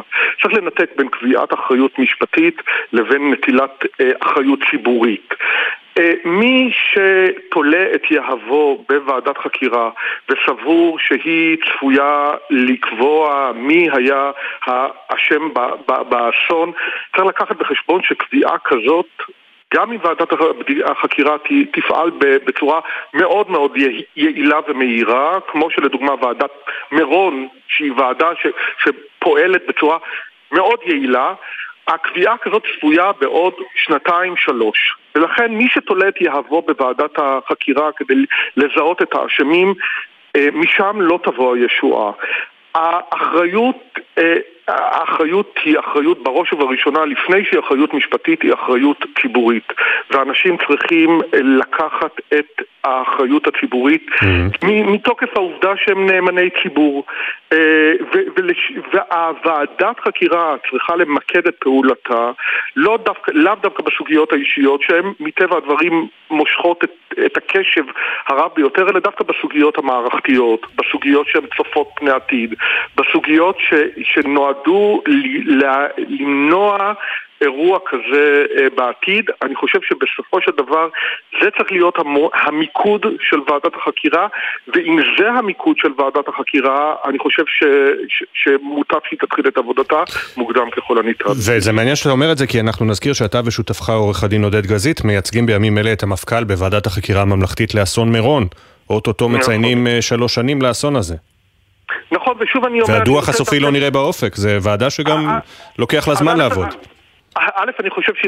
אני חושב שבעת הזאת הוא כבר באמת כבר נראה באופק, אבל אני נותן את ועדת מירון דווקא כדוגמה לוועדה שעמדו בראשה, בראשה, עומדים בראשה, אנשים רציניים מאוד, עשו את באמת מלאכתם נאמנה. אני חושב שמהרושם ש... שאנחנו קיבלנו כמי שליוו את דיוני הוועדה, אה, הפעול... יש מאמץ אמיתי לרדת לחקר האמת, אבל המאמץ הזה במציאות המשפטית שאנחנו חיים בה לוקח זמן. החומרים הם רבים, עורכי הדין אה, המוזהרים הם רבים, לכל אחד מהמוזהרים יש עורך דין, כל אחד מקבל את יומו, ומה שראינו במירון, עוד משפט אחד בהקשר הזה, מה שראינו במירון הוא כאין וכאפס מבחינת היקף החומרים, היקף, מורכבות, הס... מורכבות הסוגיות, הסוגיות, העירוב בין הסוגיות, הסוגיות המדיניות לסוגיות הסוגיות הביטחוניות הוא כאין וכאפס לעומת מה שנראה בוועדת החקירה לאסון אה, השביעי בנובמבר. אפשר פה להשחיל כן, מילה? כן, בוודאי. קודם כל, קודם כל אני אגיד ככה, זה מה שאנחנו רוצים לראות היום? את הרמטכ"ל מסתובב עם עורך דין, ואת אלוף פיקוד דרום מסתובב עם עורך דין, ואת ראש השב"כ מסתובב עם עורך דין, ואת ראש מרחב דרום מסתובב עם עורך דין, ואת ראש הממשלה מסתובב עם עורך דין, ואת שר הביטחון מסתובב עם עורך דין. זה מה שאנחנו רוצים לראות את זה, עם כל הכבוד לאירוע מירון, ויש לי הרבה כבוד, אירוע קשה ביותר, הרבה אנשים קיפחו את חיים, יש לנו פה אירוע בסדר גודל קצת אחר, יש לנו פה אירוע, אירוע לאומי, אירוע, יש לנו פה מלחמת העצמאות השנייה, אלה לא מילים בעלמא, אנחנו צריכים לזכור עם מה אנחנו מתמודדים, יש לנו חזית כל כך כבדה בדרום, כל כך הרבה אנשים כבר קיפחו את חייהם, חיילים מתים בשדה הקרב כל יום, יש לנו עוד חזית שלא התחלנו אותה בצפון, יש לנו מאה אלף תושבים עקורים מבתיהם, יש לנו את יהודה ושומרון, יש לנו את איראן, כן. יש לנו אין ספור אתגרים והחקירה צריכה לבוא אחר כך, את אומרת. אוקיי. ומה קרה? ממה נפשך? אנחנו צריכים, סליחה רגע עוד מילה, לתת לצה"ל לנצח, וצה"ל עושה עבודה מדהימה כל יום. אנחנו צריכים לקום, להעריך, להעריץ, לחבק ולהוקיר את החיילים שלנו בסדיר ובמילואים. חייבים לסיים, אני חייב לקטוע אותך, מתנצל, סגן אלוף במילואים שוש רבן, עורך הדין אלירם בקל, תודה רבה לשניכם, זו הייתה פינת הפרשנים שלנו על ועדת חקירה ממלכתית, עכשיו או אחר כך. יוצאים להפסקה של פחות מדקה ואחריה השעה השנייה של בוקר טוב ישראל. נהיה עם השר חילי טרופר מהמחנה הממלכתי על הדיווחים על העסקה אולי, וגם כמובן תגובתו לכנס אתמול, כבר חוזרים. בחסות הפניקס סמארט המעניקה שלושה חודשים מתנה וגם שלושה חודשים דחייה בתשלום הביטוח המקיף לרכיב. כוכבית 5432, כפוף לתקנון, הפניקס חברה לפיתוח בע"מ. בחסות קרנות השוטרים, המציעה לעמיתיה את רכבי סוזוקי דגמי 2024 במגוון הנחות. לפרטים כוכבית 9955 או אתר קרנות השוטרים. אתם מאזינים לגלי צה"ל. כשאחד היוצרים המוערוכים, אך המופנמים ביותר, מסכים לצלול אל סודות יצירתו, זה הזמן לפוד כספי. אחת, שתיים, שלוש, ארבע. מתי כספי, בשיחה גלויה עם אוהד בן אבי, על הסיפורים שהולידו את השירים שכולנו מכירים. אמנם כתבתי את זה ואני עומד מאחורי זה, אבל אם הייתי רואה אותם היום, אני לא הייתי מלחין אותם. פוד כספי, עכשיו באתר וביישומון גל"צ גלגלצ, ובכל מקום שאתם מאזינים להסכתים שלכם. עכשיו בגלי צה"ל, אפי טריגר, עם בוקר טוב ישראל.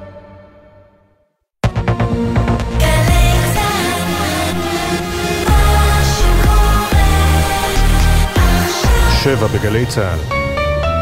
הפסגה בפריז והאופטימיות הזהירה לאחר שהבכירים הישראלים נועדו עם ראש ה-CIA, ראש ממשלת קטאר ושר המודיעין של מצרים, בירושלים עדכנו כי יש פערים משמעותיים במשא ומתן, אך הביעו אופטימיות. הפעולה גם מביא לזה שבקצה מוכנים לדבר איתנו. הקבינט המצומצם ידון הערב בסוגיה, נהיה עם הדיווחים ונשוחח עם חבר הקבינט המדיני-ביטחוני חילי טרופר ועם עינב מוזס, כלתו של גדי, שעדיין חטוף בעזה. אחרי הניסיונות של חמאס לשקם את עצמו, צה"ל צפוי להגביר כבר בשבועות הקרובים את היקף הפעילות הצבאית בצפון הרצועה. כתבנו הצבאי דורון קדוש יפרסם ויעדכן על הערכות בצה"ל לגבי פעילות חמאס באזור הזה.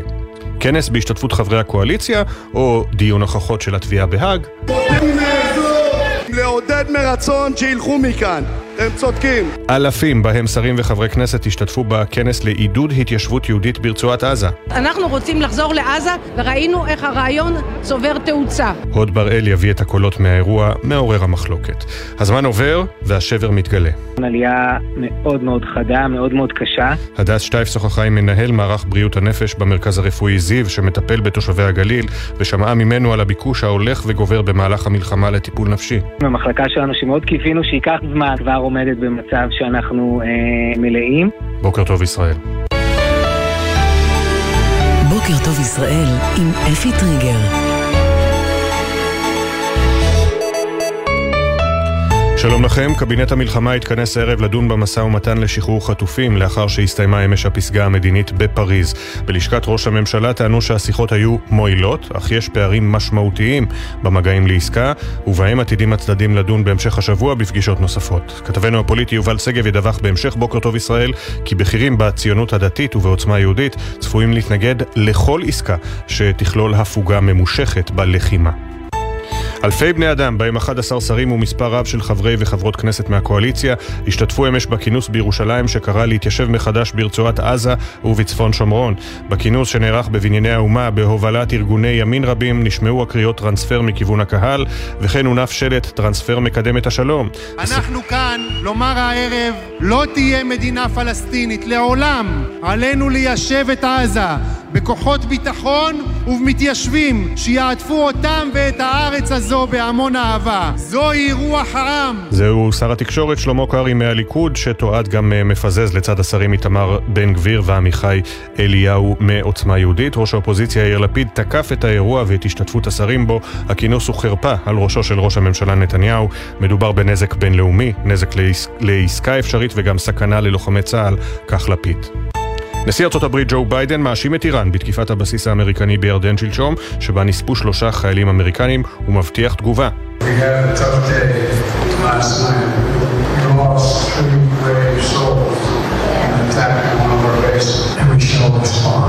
היה לנו יום קשה, איבדנו אתמול שלושה חיילים, שלוש נשמות אמיצות במתקפה על הבסיס שלנו, ואנחנו נגיב, כך ביידן בעצרת בחירות בקרוליינה הדרומית.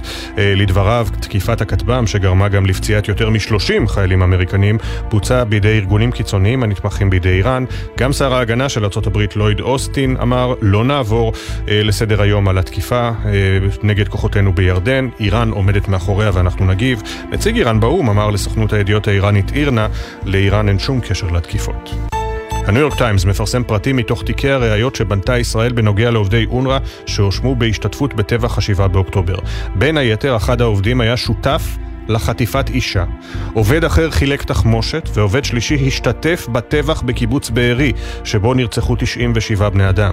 הראיות הועברו לארצות הברית, שעדיין לא אישרה את הפרטים, אך גורמים אמריקאים אמרו לניו יורק טיימס שהם אה, מצאו אותן אמינות מספיק כדי להצדיק את השהיית הסיוע הכלכלי לאונר"א. כלי טיס בלתי מאויש של צה"ל התרסק לפנות בוקר בשטח פתוח באזור רחובות, אין נפגעים, הכלי נפל בעקבות תקלה טכנית ושבריו נאספו בידי כוחות הביטחון, אין חשש לדליפת מידע. עדכוני תנועה מגלגלצ, כביש ירושלים תל אביב עמוס ממנהרת הארזים לכיוון מחלף מוצא. בכביש 6 דרומה יש עומס תנועה ממחלף עירון עד אייל. כביש החוף דרומה עמוס מאור עקיבא עד קיסריה וממחלף חבצלת עד מחלף פולג. מזג האוויר בצפון הארץ ובמרכזה צפויים גשמים מדי פעם ותיתכן אסופות רמים יחידות, בעיקר בצפון הארץ. בוקר טוב ישראל עם אפי טריגר.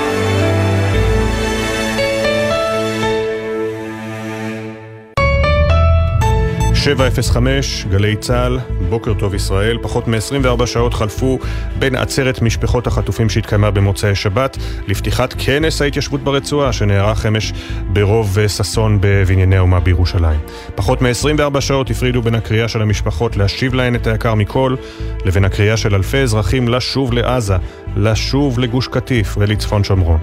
לכל קריאה כמובן הזכות להיקרא, אבל בזמן שהדיון על היום שאחרי לא נראה באופק, וכשבני משפחות נאבקים על שיבה מסוג אחד, אולי ראוי היה ששרים וחברי כנסת ישימו בהמתנה, על הולד, את הדיבורים על שיבה מסוג אחר. עוד מעט נהיה כאן עם הקולות מהכנס ועם העדכונים הביטחוניים, אבל קודם לכן אנחנו פותחים עם היום שאחרי הפסגה המדינית בפריז. אה, היו דיווחים בתקשורת הזרה אתמול משעות הבוקר ולאורך כל היום, שהצליחו אולי להפיח תקווה אצל מי שמחכים לעסקה נוספת, אבל אז הגיעה הפסגה הביטחונית בפריז והוכיחה פעם נוספת שהפתרון כנראה עוד רחוק. כתבנו הפוליטי יובל שגב, אתה עם כל מה שהיה אתמול בשיחות המועילות כהגדרת לשכת נתניהו, וגם עם הקשיים הפוליטיים שעוד צפויים לראש הממשלה. שלום יובל. שלום אפי, בוקר טוב. אז באמת היינו קצת סקפטיים עם הדיווחים המאוד מאוד אה, אופטימיים אתמול בניו יורק טיימס וכדומה, אבל באמת ראינו לאורך היום שהסיכויים אה, פוחתים, שהאירוע שתואר שם, העסקה שתוארה שם כעסקה אפשרית, אה, לא נמצאת על השולחן לפחות בשלב הזה, כשגם כאמור אחרי שהפסגה הזאת מסתיימת ולמרות שקובעים לקיים דיון נוסף בהמשך השבוע ושקבינט המלחמה ידון בזה הערב וכדומה, עדיין השורה התחתונה שיוצאת משם, למרות המאמצים, למרות כל הרצון הטוב, היא שהפערים עדיין גדולים, שחמאס עדיין מתבצר בעמדה של עסקה שתביא לסיום הלחימה, ועל זה ישראל כמובן לא מוכנה אה, לשמוע אה, בשלב הזה. כן מקווים שהמשך הלחץ הצבאי ובעיקר המשך הלחץ המדיני, או הגברת הלחץ המדיני יותר נכון, מצד האמריקנים על הקטרים ודרכם לארגון הטרור חמאס, זה אולי בסוף יצליח להביא שם את הקנק, את נקודת השבירה, אה, שתביא את חמאס להסכים לעסקה חלקית, זאת אומרת לשחרור של כמה עשרות חטופים, זה התרחיש האופטימי שמדברים עליו לפחות בבוקר הזה אה, כאן אה, בירושלים, אז זה בכל מה שקשור לעסקה עצמה ברמה הטכנית וללחצים הביטחוניים והמדיניים. נהיה חכמים יותר בהמשך אה, השבוע. ברמה הפוליטית אפי, גם פה זה אירוע מורכב עבור ראש הממשלה, כי הוא אה, מקבל יותר ויותר אה, מסרים נקרא לזה ביממה שתיים האחרונות מכיוונם של סמוטריץ' ובן גביר, שהם לא יסכימו לשום עסקה שכוללת הפוגה ארוכה. הדיווחים השונים בתקשורת הזרה דיברו על הפוגה של בערך חודשיים, וגם הגבולות גזרה שיצאו איתם הנציגים הישראלים לפריז דיברו על הסכמה להפוגות ארוכות יותר ממה שראינו בפעם שעברה. לא רק שהם אומרים אפי שהם מתנגדים התנגדו, הם גם טוענים שהם לא שמעו אפילו אפשרות כזאת מראש הממשלה בדיונים השונים בנושא, וכי למיטב ידיעתם זו אפשרות שאינה קיימת. בכל מקרה נתניהו פועל כדי להראות לפחות שהוא עושה מאמצים גדולים עבור הסיכוי הקטן עדיין לעסקה נוספת. תודה, יובל שגב, כתבנו הפוליטי. והנה יוצא לדרך היום המאה וחמישה עשר ללחימה.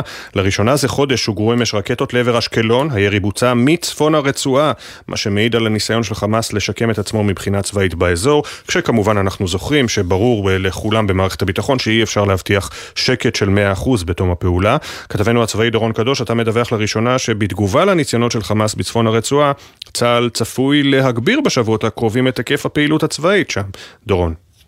שלום אפי, כן, צה"ל צפוי להגביר בשבועות הקרובים את היקף הפעילות הצבאית שלו בצפון הרצועה, וזאת בעקבות הניסיונות של חמאס לשקם את עצמו גם מבחינה צבאית באזור הזה. בשבועות הקרובים, כפי שאנחנו מדווחים, צפויות לצאת לפועל פשיטות חטיבתיות, חלקן גם בהיקף נרחב במיוחד, אם יידרש, על מוקדים שבהם צה"ל מזהה פעילות מחודשת של חמאס. הפעולות האלה תהיינה מבוססות מודיעין, ונועדו לפגוע גם במחבלים, גם בתשתיות. רקטות שעוד נותרו לחמאס באזור מעל ומתחת לקרקע וגם במרחבי שיגור רקטות. ובהקשר הזה אפי, רק אמש באמת בוצע שיגור ממש מהאזור הזה מצפון הרצועה לעבר העיר אשקלון, רקטה אחת יורתה בהצלחה וזו הפעם הראשונה זה 23 ימים שמתבצע ירי לאשקלון.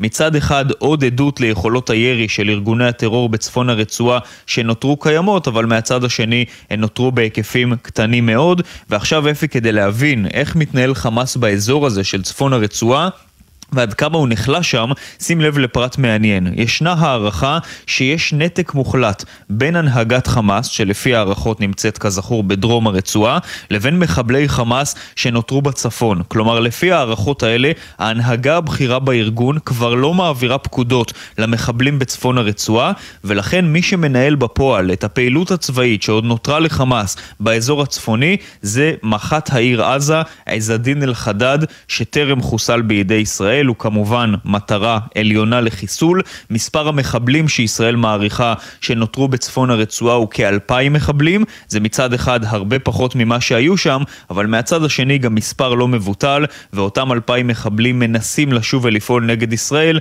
ולכן כפי שאמרנו בפתח הדברים, צה"ל צפוי להגביר שם את היקף הפעילות. אז אה, בוא נשאר בעניין נוסף בהקשר הזה, בזמן שחמאס פועל לשקם את עצמו בצפון הרצועה, בישראל, בדרג המדיני, עדיין לא דנים, שלא לומר לא מקבלים החלטות על מה יקרה ביום שאחרי, ואתה שומע על כך ביקורת נוקבת מגורמים במערכת הביטחון.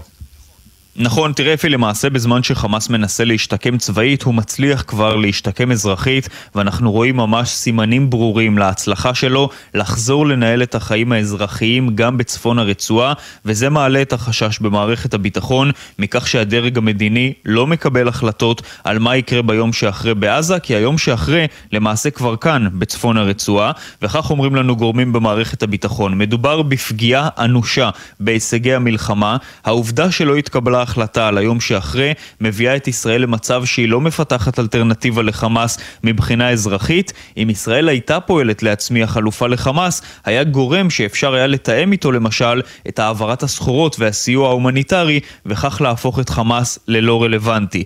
אבל אומרים אותם גורמים, במקום זאת, חמאס משקם את עצמו אזרחית בצפון הרצועה, וזה כאמור מעלה דאגה משחיקת ההישגים של צה"ל.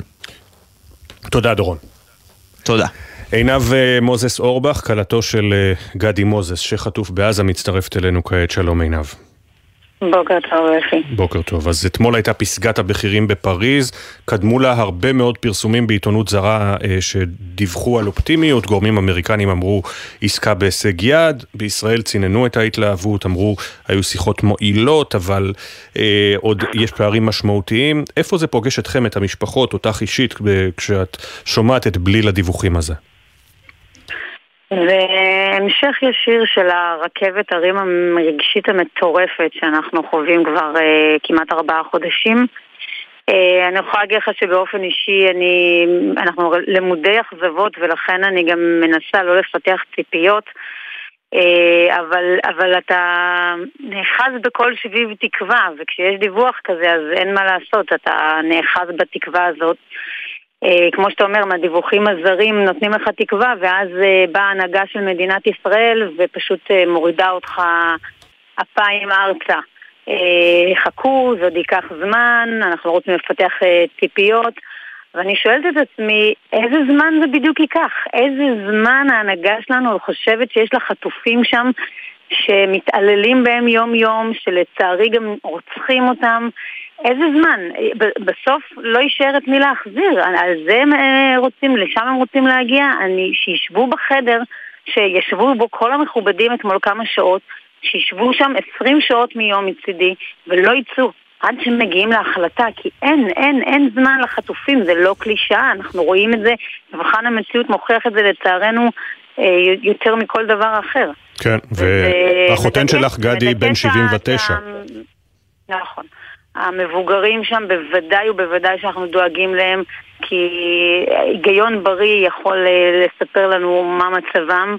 אה, ושפעת קטנה שכל אה, שבוע יכול לחטוף ואנחנו ניקח אקמול ונמשיך הלאה שם זה הבדל בין חיים ומוות. שלא לדבר על הערבה ועל ההתעללויות סליחה, על ההתעללויות שהם עוברים. תראה אפי, אני, אני באמת באמת מאמינה שהמאבק לשחרור החטופים הוא מאבק על דמותה של המדינה, הוא כבר הרבה מעבר למאבק שלנו, המשפחות, על יקירנו, שברור שהוא קיים. אני חושבת שכל אזרח היום צריך לעצור ולשאול את עצמו באיזה מדינה הוא רוצה לגדל את הילדים שלו ואיך הוא רוצה שהיא תיראה. מדינה שתקדש את החיים, מדינה שתהיה מחויבת לאזרחים שלה כמו שהיא מצופה מצפה שהם יהיו מחויבים אליה כמו שאנחנו מחנכים את הילדים שלנו להיות, או מדינה של הנצח תקדש את המוות והמלחמה והחרב. אני, כולנו יודעים שבשביעי לאוקטובר נפער אה, אה, האמון, בוא נגיד, בין האזרחים למדינה, יש בו שבר מאוד מאוד גדול. ועם המנהיגים שלנו, עם הממשלה שלנו ובראשה ראש הממשלה רוצים להתחיל לרפא שבר האמון הענק שנפער. רוצים להתחיל להחזיר לנו את הערכים שלאורם אנחנו גאים אה, להוביל את המדינה שלנו ואת העם היהודי, וכמובן להחזיר את הביטחון האישי, הם חייבים מהר מהר לשחרר את כל החטופים שחיים, וכמובן גם החזרת הגופות שנרצחו על ידי החמאס. כי רק מערכה צבאית לא תחזיר מהשבי את הערכים שנלקחו בשבי, את האמון שנלקח בשבי. אבל שר הביטחון משוכנע שהמערכה הצבאית תסייע להוריד את המחיר של חמאס. אז בוא אני אגיד לך, אני שומע, אנחנו שומעים את זה כבר יותר מ-60 ימים, אני חושבת ששלב ההוכחות כבר מזמן מזמן הגיע.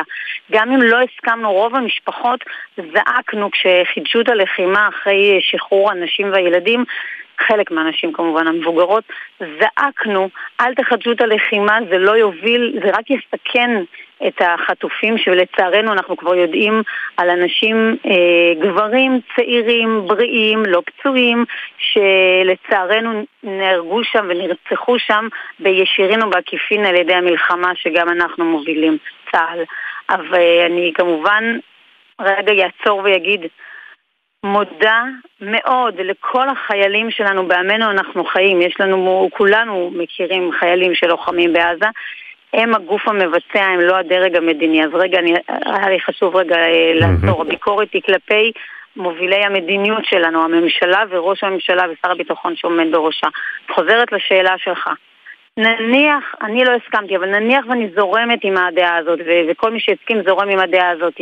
מבחן המציאות לצערי הרב מוכיח אחרת. כבר יותר מ-60 ימים של לחימה קשה ועיקשת ושום חטוף לא רק שלא חזר בחיים, לצערי גם נהרגו ונרצחו אה, חטופים. זה שלב ההוכחות, כבר מזמן הגיע שלב כן. ההוכחות, אבל בטח היום, עד מתי מחכים להוכיח לנו שהמערכה הצבאית מביאה לעסקה טובה יותר? בואו תוכיחו, אמרתם שזה ככה, כמה זמן אתם עוד צריכים? שוב אני אומרת, בסוף לא יישאר אה, את מי להוציא. אז אי אפשר להמשיך עם אותם, עם אותם אמירות ואותן קלישאות כשהמציאות מוכיחה ההפך. עינב מוזס אורבך, כלתו של גדי מוזס שחטוף בעזה, תודה רבה שדיברת איתנו. תודה רבה, תודה לכם. בוקר טוב. בוקר טוב, שיהיו בשורות טובות בהקדם.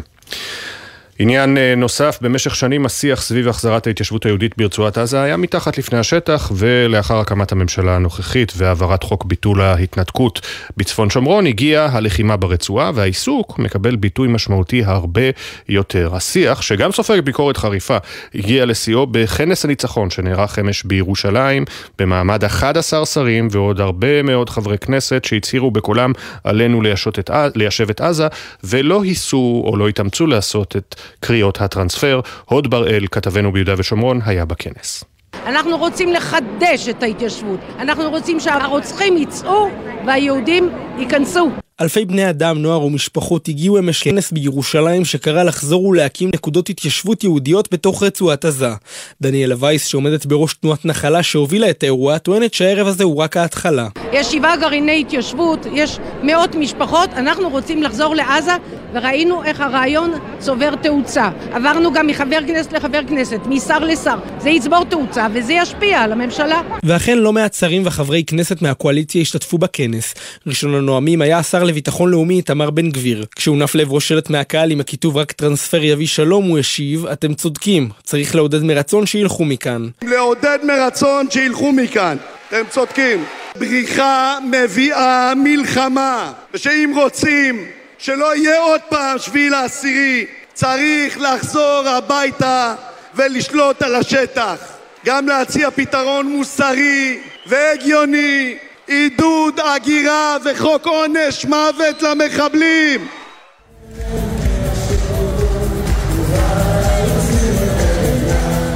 במהלך הכנס תועדו השרים עמיחי אליהו, בן גביר וקרעי רוקדים יחד עם הקהל. סרטון שחולל מהומה ברשתות החברתיות בהתחשב בעובדה שאנחנו באמצע מלחמה.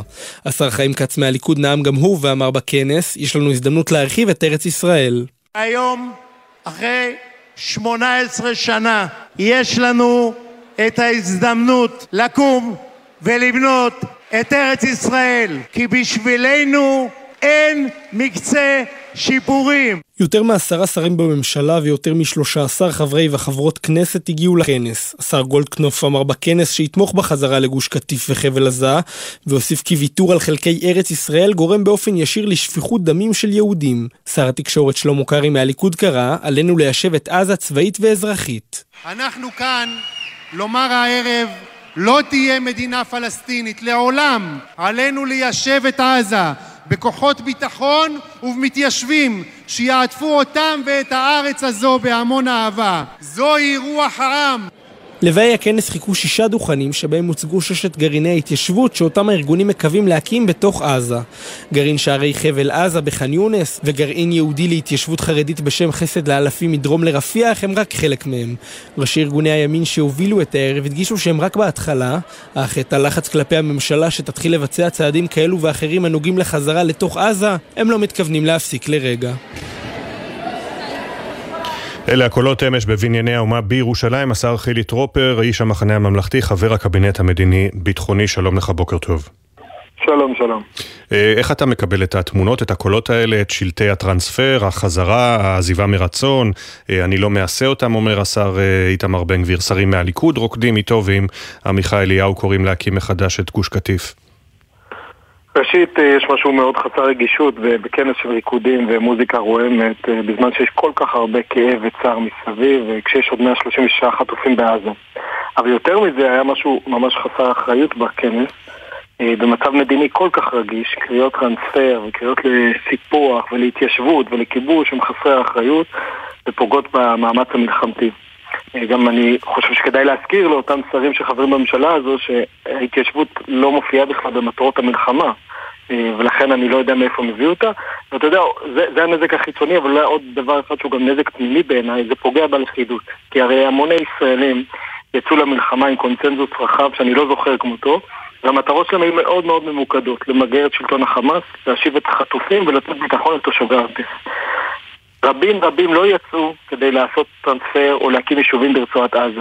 אז מציע שנשמור על המטרות של המלחמה, בעיקר כדי לשמור על הלכידות הפנימית. וזה מעבר לזה, כי אתה יודע, כי השרים, בין השרים שרקדו שם, וכמובן היה שם גם השר האוצר סמוטריץ' והשר בן גביר, הם ראשי אה, מפלגות הציונות הדתית ועוצמה יהודית בהתאמה, שאומרים, לפי הדיווח של יובל שגב, שהם לא יסכימו לעסקה שתכלול הפוגה משמעותית בלחימה.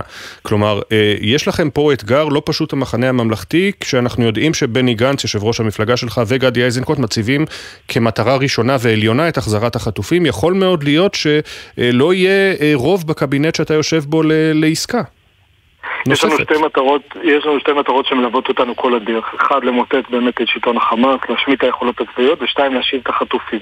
אנחנו חושבים שמכיוון שהשמדת אה, יכולות החמאס ממילא צפויה לקחת הרבה מאוד זמן, חשוב לתת קדימות, לא כי זה יותר חשוב, אלא כי לא בטוח שהם יהיו בחיים, החטופים בעוד תקופה, ולכן אם יש אפשרות, ואני מקווה שבפריז נולדו הניצנים שיאפשרו להשיב את החטופים הביתה, זו אחריות שלנו, גם אם המחיר שלה היא הפוגה. סיום המלחמה לא... הפוגה של חודשיים, אה, דורש חמאס. אני לא נכנס לפרטים כי, כי כל דבר שאני אגיד יש לו משמעות בגלל, בגלל התפקיד שלי ולכן אני זהיר במילים שלי. אני כן אומר, יש קונצנזוס שאסור לנו לסיים את המלחמה עד שאנחנו לא גורעים את יכולות החמאס. אלא שבדרך לשם, וממילא זה ייקח הרבה זמן ויש לנו אחריות לייצר הזדמנויות ואם יש הזדמנויות למצות אותן כדי להשיב את החטופים הביתה זו אחריות ערכית ומוסרית שלנו כלפי אנשים שלא שמרנו עליהם בשבעה באוקטובר. אני מאמין שאם באמת תיווצר אפשרות לייצר עסקה כזו שתשיב אותם הביתה. ראש הממשלה יביא את זה לממשלה ויהיה לזה רוב גם בפעם הקודמת. חלק מהאנשים שציינת התנגדו, וזה עבר. אני חושב שבדיעבד כולם מבינים ושמחים, גם אותם אלה שאמרו שלא נחזור להילחם ושיש בזה נזק אדיר, כמה שמחה וטוב יש בזה שהחזרנו למעלה מ-100 חטופים הביתה, והלוואי ונחזיר את 136 שנותרו שם, זו אחריות שלנו. אני חושב שיש ציפייה הגיונית ובסיסית משרים בממשלה וחברי כנסת לנהוג בצורה הרבה יותר אחראית, פחות מופקרת, בתקופה הרגישה הזו מבחינה מדינית, בתקופה הרגישה הזו פנימית בתוך ישראל. והכינוס אתמול היה התנהגות מופקרת? זו התנהגות מופקרת. בתקופה כל כך רגישה מבחינה מדינית, ובתקופה כל כך מורכבת מבחינה פנימית, אה, לדבר על טרנספר ועל כיבוש ועל סיפוח ועל התיישבות. זה לא במטרות המלחמה.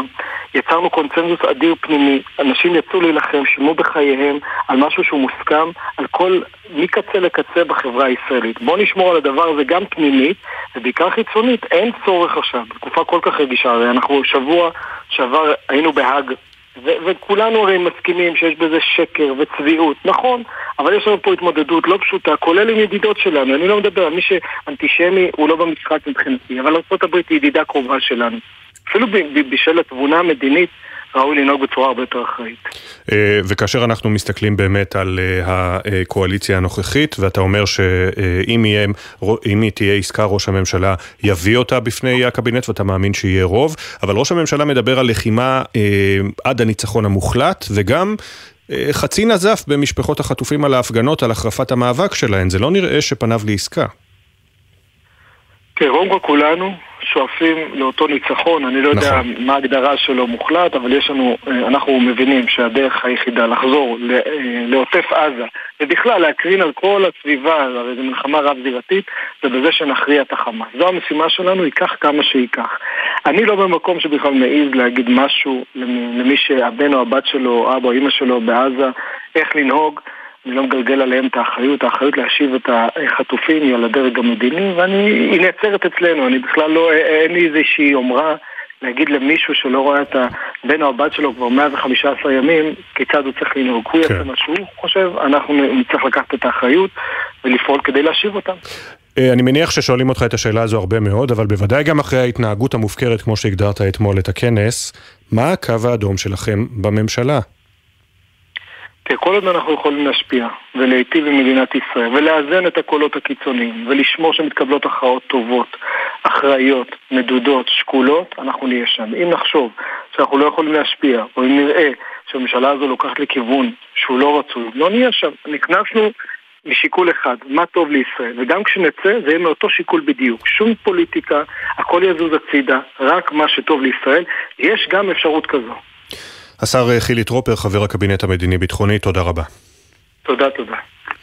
7.27, לאחר שישראל חשפה כי עובדים באונר"א השתתפו בטבח ביישובי העוטף, מדינות מערביות הקפיאו את תמיכתן אה, בארגון, הלילה גם הניו יורק טיימס מביא עוד עדויות מחומר הראיות שאספה ישראל על כך שעובד אחד השתתף בטבח בבארי, עובד אחר סיפק תחמושת, אה, עובד אחר חטף אישה, עובד שלישי.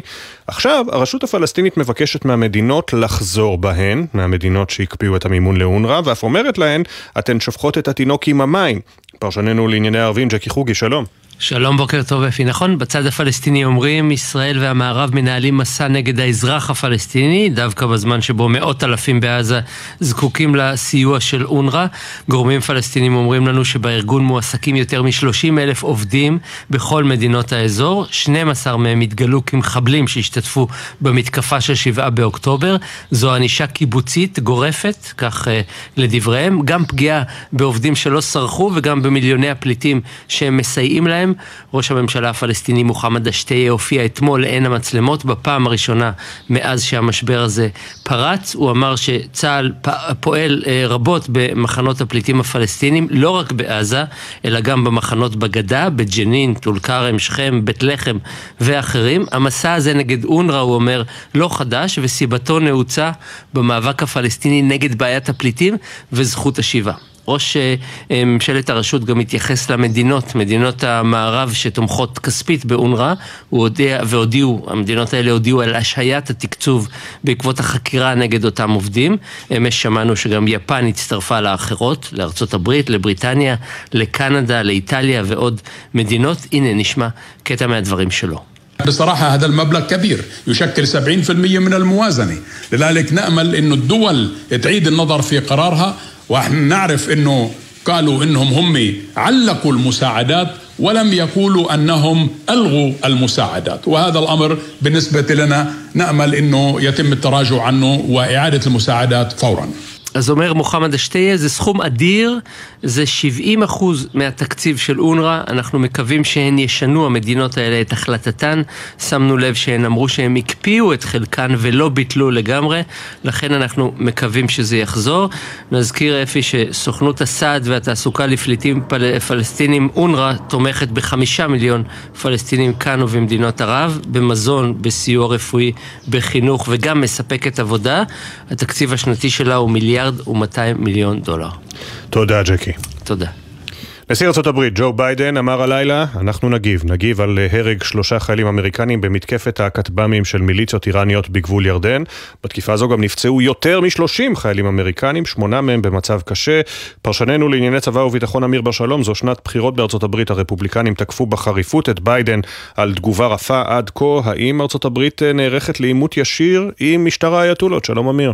שלום אפי, בוקר טוב. תראה, אין ספק שארה"ב מגיעה כאן לצומת ההחלטה החשוב ביותר, אני חושב, בעניין האיראני בחודשים האחרונים. צריך לזכור דבר אחד, בהודעה אתמול כל הסוכניות, בין אם זה הנשיא ובין אם זה אה, משרד ההגנה, כולם אומרים, החיילים נפגעו על ידי מיליציה שמופעלת על ידי איראן. כלומר, המילה איראן מוזכרת, ולא בכדי אה, כולם מפנים אצבע מאשימה על איראן. ועכשיו השאלה היא, איך אה, תיראה התגובה האמריקנית? כרגע, כמו שאמרת, לחץ רפובליקני ממש מקיר, מקיר אל קיר. היילי, אנחנו שומעים את טראמפ, אנחנו שומעים את הסנטור לינזי גרם, כולם אומרים, חייבים לתקוף את איראן ישירות. אתמול בערב הערכה... הארכת אה, מצב אה, חירום בבית אה, הלבן. בואו נשמע את הדברים שאומר מיד אחר כך בכנס בחירות הנשיא ביידן. We had a tough day last night. We lost three brave souls in attacking one of our bases, and we shall respond. כן, הוא אומר, היה לנו לילה קשה, איבדנו שלושה לוחמים ואנחנו נגיב. השאלה עכשיו היא, לא אם ארצות הברית תגיב, כי כנראה היא תגיב, ובדרך כלל זה קורה לה לאט, זה לוקח לה זמן עד שהיא מאבדת את המידע ובוחרת מטרות, אבל השאלה היא עד כמה חזק, עד כמה עמוק זה יהיה, ועד כמה קרוב לאיראן. בהחלט. תודה, אמיר. תודה. בפעם הראשונה אי פעם בוועדת הכנסת יחל היום תהליך הדחת חבר כנסת, זאת לאחר ש-87 ח"כים חתמו על הקריאה להדיח את עופר כסיף מתפקידו. התהליך צפוי להתנהל כמו הליך משפטי, כתב התחום הפוליטי שחר גליק. מה הסיכויים שבסוף הדרך אה, כסיף יודח מהכנסת? שלום שחר. בוקר טוב אפי, תראה זה תהליך די מסובך, היום זו רק הירייה הראשונה, ועדת הכנסת תתכנס בשעה 11 ותדון האם עופר כסיף באמת תומך במאבק מזוין נגד ישראל. על הבקשה הזו שהגיש עודד פורר חתומים 87 חברי כנסת, אחרי שכסיף חתם על עצומה בעד התביעה של דרום אפריקה נגדנו בהאג. הוא הסביר שישראל אכן נוקטת צעדים לרצח עם ולמחיקת האוכלוסייה שם, וזה מבחינת חברי הכנסת נחשב לתמיכה במאבק מזוין נגד ישראל. אז היום התקיימו הדיונים המשפטיים האלו בוועדת הכנסת, גם מחר פינו לזה זמן אם הם לא יסיימו היום, ושם זה צפוי לעבור חלק, למרות שבחוות דעתה היועצת המשפטית של הכנסת רומזת אתמול שצריך מסה קריטית של התבטאויות ולא רק חתימה על עצומה אחת. בכל מקרה השלב הבא הוא במליאה, שם נדרשים 90 חברי כנסת, נזכיר 87 כבר חתמו, תוסיף עוד ארבעה חברי ועדת האתיקה שצפויים לתמוך ואת יושב ראש הכנסת וראש הממשלה, ואתה כבר הרבה מעבר לרף הנדרש. אבל האם באמת ישראל תדיח חבר כנסת לראשונה אי פעם? התשובה היא שכנראה לא, כי החוק מסמיך את בית המשפט לתת ביקורת להחלטה הזו, כך ששופטי בג"ץ יתכנסו לדון בעניין בשבוע שאחרי ישיבת המליאה, ולפי חוות הדעת של יועמ"שית הכנסת ודפוס הפעולה המובנה של 15 שופטי העליון, הערכה במערכת הפוליטית והמשפטית זה שהפסילה הזו תבוטל בסופו של דבר, אבל האקט המחאתי בהחלט יעשה גלים, וגם חברי הכנסת מימין ימצאו סיבה נוספת למתוח ביקורת על בית המשפט העליון. תודה, שחר. באיחור של יותר משבועיים צפוי מחר משרד האוצר להגיש לכנסת את הצעת התקציב המתוקן לשנה הקרובה. לוועדת הכספים יינתנו עד 14 יום לדון בו. כתבנו לענייני כלכלה ישראל פישר, אתה מדווח לנו שיש חשש שהאיחור נועד להסתיר העברות כספים קואליציוניים בליבת התקציב. שלום ישראל. בוקר טוב אפי, כשבועיים אחרי שאושר תקציב המדינה החדש לשנה הנוכחית בממשלה, הוא יוגש לאישור ועדת הכספים של הכנסת רק מחר. המאזינים בוודאי שואלים את עצמם מה הבעיה בכך? אז התשובה פשוטה מאוד, מדובר בהפרה של חוק יסוד. בסוף השנה הקודמת עודכן חוק יסוד התקציב כדי שיאפשר לממשלה להגיש את התקציב החדש לדיונים בוועדת הכספים של הכנסת עד 19 בינואר. התאריך הזה עבר מזמן, התאריך הקבוע לאישור התקציב בשלוש קריאות בכנסת הוא 19 בפברואר. כלומר, ועדת הכספים יכולה לדון בתקציב החדש רק 14 ימים לפני אישורו הסופי, או שידרש קיצוץ רוחבי עצום של 70 מיליארד שקלים בתקציב. וכששואלים מה הסיבה לדחייה, מקבלים תשובות שונות, החל מאילוצים משפטיים, דרך התאמות אחרונות, ועד לחששות להחבאת הכספים הקואליציוניים בבסיס התקציב. את כל זה נגלה רק מחר, כשנדע בדיוק מה מסתתר מאחורי הררי המספרים של חוברת התקציב. אבל בזמן שאומרים לנו שאין פוליטיקה בזמן מלחמה, ממשיכה להתגלות האמת. היום למשל, תדון ועדת הפנים של הכנסת באישור מטעם השרים וסרלאוף וסטרוק לנציגים למוסדות התכנון, בניגוד להסכמים הקואליציוניים עם המחנה הממלכתי. אבל כל הדברים האלה הם רק מתאבן לקראת קרבות התקציב בכנסת שיחלו ממש מחר. תודה, ישראל פישר. עכשיו 7.35 הכותרות. קבינט המלחמה התכנס הערב לדון במשא ומתן לשחרור חטופים לאחר שהסתיימה אמש הפגישה, הפגישה המדינית בפריז. בלשכת ראש הממשלה אמרו שהשיחות היו מועילות, אך יש עדיין פערים משמעותיים במגעים לעסקה, ובהם עתידים הצדדים לדון בהמשך השבוע. עינב מוזס אורבך, כלתו של גדי מוזס, החטוף בעזה, אומרת בבוקר טוב ישראל, הדיווחים ממקורות זרים על התקדמות נותנים לנו תקווה שמתפוגגת. דיווחים הזרים נותנים לך תקווה, ואז אה, באה הנהגה של מדינת ישראל ופשוט אה, מורידה אותך אלפיים ארצה. איזה זמן ההנהגה שלנו חושבת שיש לה חטופים שם? רק מערכה צבאית לא תחזיר מהשבי את הערכים שנלקחו. בכירים בציונות הדתית ובעוצמה יהודית אמרו לכתבנו הפוליטי יובל שגב כי התנגדו לכל עסקה שתכלול הפוגה ממושכת בלחימה וכי ראש הממשלה נתניהו לא העלה בפניהם אפשרות של עצירת הלחימה לחודשיים כפי שדווח מפי מקורות אמריקנים על עסקה אפשרית. אלפים, בהם 11 שרים ומספר רב של חברי וחברות כנסת מהקואליציה, השתתפו אמש בכינוס בירושלים שקרא להתיישב מחדש ברצועת עזה ובצפון אה, שומרון. השר חילי טרופר, חבר הקבינט המדיני-ביטחוני ממפלגת המחנה הממלכתי, כינה את האירוע בריאיון בבוקר טוב ישראל, התנהגות מופקרת וחסרת רגישות כלפי משפחות החטופים. יש ציפייה הגיונית ובסיסית משרים בממשלה וחברי כנסת לנהוג בצורה הרבה יותר אחראית, פחות מופקרת, בתקופה כל כך רגישה מבחינה מדינית. לדבר על טרנספר ועל כיבוש ועל סיפוח ועל התיישבות. עדכוני תנועה לנהגים מגלגלצ, איילון צפון העמוס לתנועה ממחלף קוממיות עד מחלף וולפסון בכביש גאה, גאה דרומה, יש עומס תנועה מגאה עד מחלף מסובים, בכיוון ההפוך עמוס מראשון דרום עד מחלף גבעת שמואל, מזג האוויר, גשם מדי פעם בצפון ובמרכז, בעשרה לשמונה תהיה כאן ענבל גזית עם פינת התרבות ואחריה עידן קבלר עם פינת הספורט, הפינות בהתאם למצב כמקובל לומר, נצא להפסקה של 98 שניות ואחריה מנהל המרכז לבריאות הנפש בגליל שמטפל בתושבי הצפון בשיחה עם הדס שטייף. מיד חוזרים. בחסות מאיר, המזמינה על ימי מכירות של מותגי הרכב השוודיים, פולסטאר, לינקן קור ווולבו, 4 עד 9 בפברואר. גם וולבו EX30 החשמלי תהיה שם, פרטים באתר.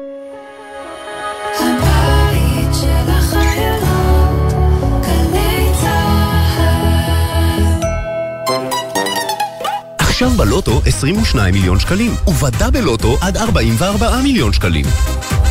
המכירה אסורה למי שטרם מלאו לו 18. אזהרה, הימורים עלולים להיות ממכרים. הזכייה תלויה במזל בלבד. הגרלת דירה בהנחה חדשה על אלפי דירות בכל רחבי הארץ. כי הבית שלנו הוא פה.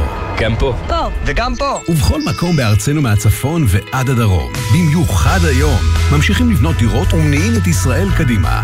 חפשו בגוגל דירה בהנחה. הרשמו להגרלה. ויחד ננצח. ונמשיך לבנות את הבית. משרד הבינוי והשיכון ורשות מקרקעי ישראל. כפוף התקנון. עמיתי מועדון חבר, דגמי יונדאי 2024 מבית קולמוביל, בהטבות ייחודיות השמורות רק לכם, עד 23 בפברואר. לפרטים, כוכבית 3805, או באתר מועדון חבר, בתקווה לימים שקטים יותר. זה הכל בשבילך, זה הכל Très belle אקדימה, לימודי המשך, בר אילן. באתר אקדימה ריכזנו למענכם יותר מ-200 קורסים, לימודי תעודה והכשרה. אתר חדש, מתקדם ונוח לחיפוש. חפשו בגוגל אקדימה. עכשיו בגלי צה"ל, אפי טריגר, עם בוקר טוב ישראל. 7.39 חוזרים אליך כתבנו הצבאי דורון קדוש עם בשורה מרגשת. מפקד יחידת אגוז שנפצע קשה בקרב על כיסופים ב-7 באוקטובר, יחזור בשבועות הקרובים לפקד על היחידה לאחר שסיים בהצלחה את הליך השיקום. אתה עצמך שוחחת עם סגן אלוף מ' ממש לפני שבועות ספורים שסיפר לך על החלום לחזור לתפקיד למרות, למרות הכדור שספג. שלום דורון שוב. שלום אפי, כן, זו הבשורה המאוד מרגשת שקיבלנו אתמול. סגן אלוף מ', מפקד יחידת אגוז, שנפצע קשה בקרב על קיבוץ כיסופים ב-7 באוקטובר, יחזור בשבועות הקרובים לפקד על היחידה, ולמעשה סיים בהצלחה את הליך השיקום שלו מהפציעה הקשה. הרופאים בבית החולים שיבא תל השומר שליוו אותו במהלך החודשים האלה בהליך השיקום, אישרו לו לחזור לפקד על היחידה. נזכיר אפי, הוא היה במשך שלושה שבועות מורדם, מונשם, היטלטל בין חיים ומוות. מוות, לאחר מכן התעורר ואז היה צריך לעבור את כל הליך השיקום הארוך הזה, והכדור שחדר את ריאתו לא עוצר אותו מלחזור להיות מפקד לוחם בצה"ל, אז בואו ניזכר אפי בקטע מהכתבה ששידרנו כאן במהלך השבועות האחרונים, כשליווינו את סגן אלוף מ' אה, בדרך למעשה, גם כשהוא שחזר את הפציעה הקשה שלו בחיסופים, וגם אה, סיפר לנו על הרצון שלו לחזור לפקד על היחידה. הנה הקטע. כבר יוצא לי בערך חודשיים שאני בבית, אה, בעיקר סביב השיקום יום שאני עושה בתל השומר, ומשלים הרבה פערים עם הילדים, אבל הם יודעים שזה זמני, זה חלק ממה שאני מאמין בו, שאנחנו מאמינים בו כזוג.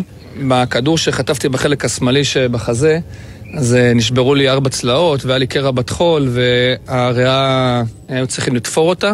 אז אני עובד מאוד מאוד קשה בשביל אה, כמובן לחזור לכושר ולחזור לאיתנות שהייתה לי אה, לפני, לפני הפציעה, אני אגיע לשם, אני כבר קרוב. זה, זה החלום שלי, כל מה שמעסיק אותי ב, אה, בימים האלה לחזור ליחידה. בשנייה שאני אוכל, אני טס לשם אה, הכי מהר שאני יכול. כן, זה סגן אלוף מ' הגיבור, בקרוב שוב מפקד יחידת אגוז, ואנחנו אפי כמובן נמשיך כאן ללוות אותו בתהליך החזרה לפקד על היחידה. גיבור, גיבור, תודה דורון. תודה. אה, שר הכלכלה, ניר ברקת, מקדם את הדחתה של מנהלת רשות התחרות. זה לא שידור חוזר ממאי שעבר, אלא הפעם ממש אה, עניין אה, רציני של, עניין רציני של ממש. כתבתנו לענייני צרכנות עינב קרנר. ברשות התחרות עודכנו מהתקשורת שהשר ברקת פנה לנציב שירות המדינה בדרישה לסיים את העסקתה של מיכל כהן. שלום עינב. שלום אפיו, בוקר טוב. הממונה על התחרות אמרה אמש שהיא עובדת כרגיל ובשיתוף פעולה עם שר הכלכלה ועם משרד הכלכלה, אבל אחרי הצעד של השר ברקת עליו למדה מהתקשורת, כפי שנכתב בהודעת רשות התחרות, קשה לומר שזה מה שעתיד להיות. כאמור, אתמול בערב חידש ברקת את המהלך להדחת הממונה על התחרות מיכל כהן מתפקידה, ושלח מכתב לנציב שירות המדינה דניאל הרשקוביץ. בפנייתו דרש השר לכנס את ועדת המינויים בנציבות בטענה לאי התאמה מובהקת לתפקיד לצד משבר אמון חריף ומתמשך. המהלך הגיע לאחר פגישה שהתקיימה בין השניים במאי 2023, במהלכה דרש שר הכלכלה מהממונה על התחרות לסיים את תפקידה. מדובר אפי במהלך חסר תקדים, ואף ממונה על התחרות בעבר לא הודח מתפקידו. לפני כשבועיים גורמים במשרד הכלכלה מתחו ביקורת על הממונה נוכח העלאות המחירים של החברות הגדולות במשק ובהן שטראוס, שסטוביץ', סוגת וויסוצקי שרק לפני כחצי שנה הוכרזה מונופול. סביר להניח אפי שמיכל כהן תתנגד להחלטת אה, ברקת והתהליך להדחתה, אם יבשיל, יארך זמן רב. המאבק בין השניים מתרחש בתקופה של עליית מחירים, ומהלך כזה בוודאי לא ייטיב בזמן הקרוב עם הצרכנים. תודה עינב. 7.43 עולים צפונה. כל מלחמה גובה איתה קורבנות שקטים, ובחודשים האחרונים עשרות אלפי ילדים ובני נוער, שחלקם גם פונו מבתיהם בצפון, הפכו לקורבנות שקטים. השבר הנפשי שאליו נקלעו, המרחק מהבית, אין סוף קשיים נוספים, העלו את הצורך להקים במהירות מחלקה לאשפוז פסיכיאטרי בבית החולים זיו שבצפת. הדס שטייף מביאה את הפרטים. ככל שעובר הזמן והמלחמה בצפון נמשכת, מתגלה שבר נפשי אצל אוכלוסייה גדולה מאוד, בין היתר אצל הילדים ובני הנוער המפונים, ההשלכות נחשפות. בבית החולים זיו בצפת פתחו לאחרונה מחלקה אשפוזית פסיכיאטרית חדשה, בנוסף על זאת, שפועלת עוד מימי הקורונה. המחלקה נותנת מענה טיפולי באשפוזית מאזור חדרה עד קריית שמונה.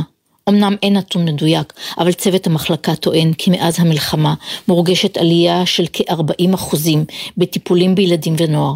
מה שמדאיג הוא שמדובר במקרים חמורים. דוקטור אורי יצקר, מנהל מערך בריאות הנפש במרכז הרפואי זיו, אומר אנחנו באמת רואים, אם ראינו אולי בשבוע הראשון, אולי אפילו שבועיים, איזה מין ירידה כזאת, אנשים התכנסו לבתים, התכנסו ככה, חיפשו את, את עצמם, את המשפחות, הקהילה. אנחנו יכולים להגיד שעכשיו אנחנו רואים בצפון עלייה מאוד מאוד חדה, מאוד מאוד קשה. אני יכול להגיד גם בכמות הילדים ובני הנוער שמגיעים לפונים, וגם, וזה אולי אפילו עוד יותר מדאיג, בחומרה שבה הם מתייצגים. דוקטור יצקר מחדד את חומרת המקרים. אנחנו לצערנו, ממש בשבועות האחרונים, פוגשים פעם ראשונה ילדים שהם מגיעים כבר לטיפול נמרץ בגלל חס וחלילה ניסיונות אובדניים קשים או מצבים קשים של ככה הפרעות אכילה וטראומה. המטופלים מילאו את מיטות המחלקה הרבה יותר מהר ממה שחשבו, הוא מוסיף. אז בעצם המחלקה שלנו, שמאוד קיווינו שייקח זמן, אולי כמו שאת אומרת, אחרי המלחמה, כבר עומדת במצב שאנחנו אה, אה, מלאים.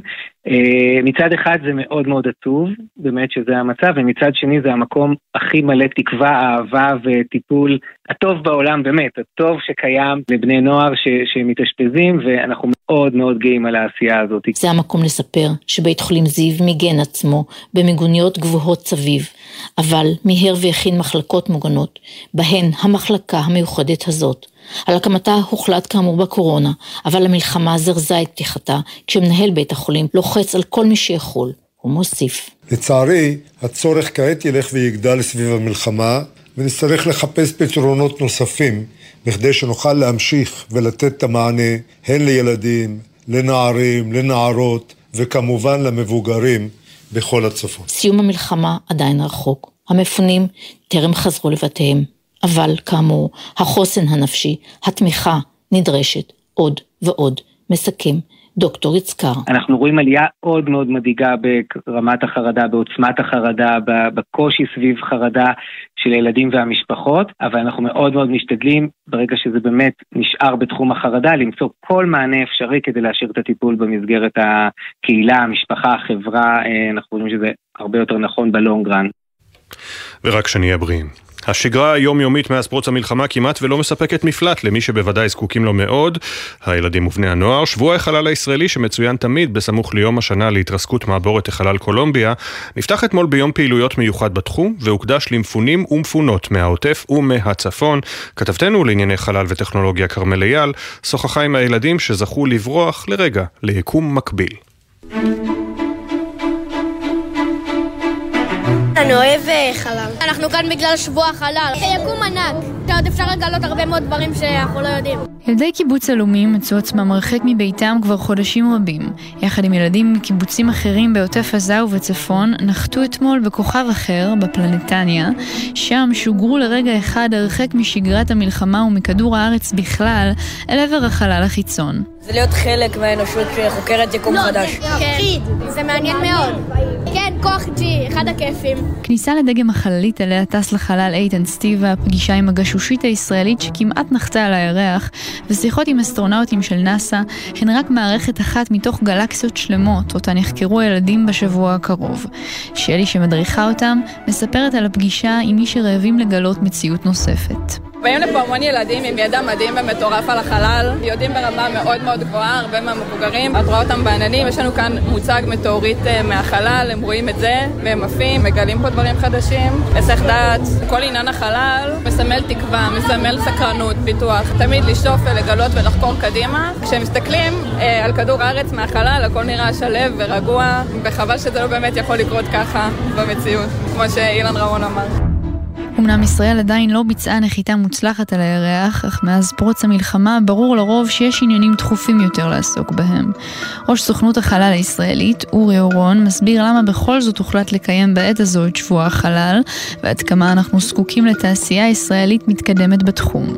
הייתה לנו דילמה, לקחנו החלטה כן לעשות אותו, כי אנחנו מאמינים שבעת הנוכחית יש משמעות וערך לקחת את כולנו גם צעד אחד קדימה. נהיה מאוד מאוד אה, ברור הצורך של ישראל בטכנולוגיות חלל במקשרים ביטחוניים, מתחילים לגלות הרבה מאוד עניין.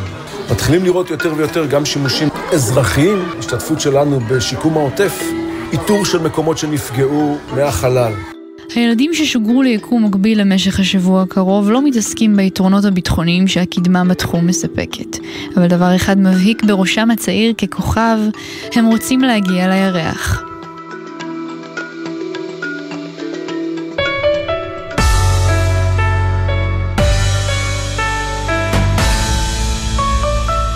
הגענו אל פינת התרבות, לא, עדיין לא אל הירח, ענבל גזית, בוקר טוב. כמעט הירח, בוקר טוב אפי. הבמאי הבריטי מייקל וינטרבוטם מתאר בסרט חדש שנקרא שושנה את סיפור אהבתם של איש המשטרה הבריטי תום ווילקין ושושנה בורוכוב היהודייה.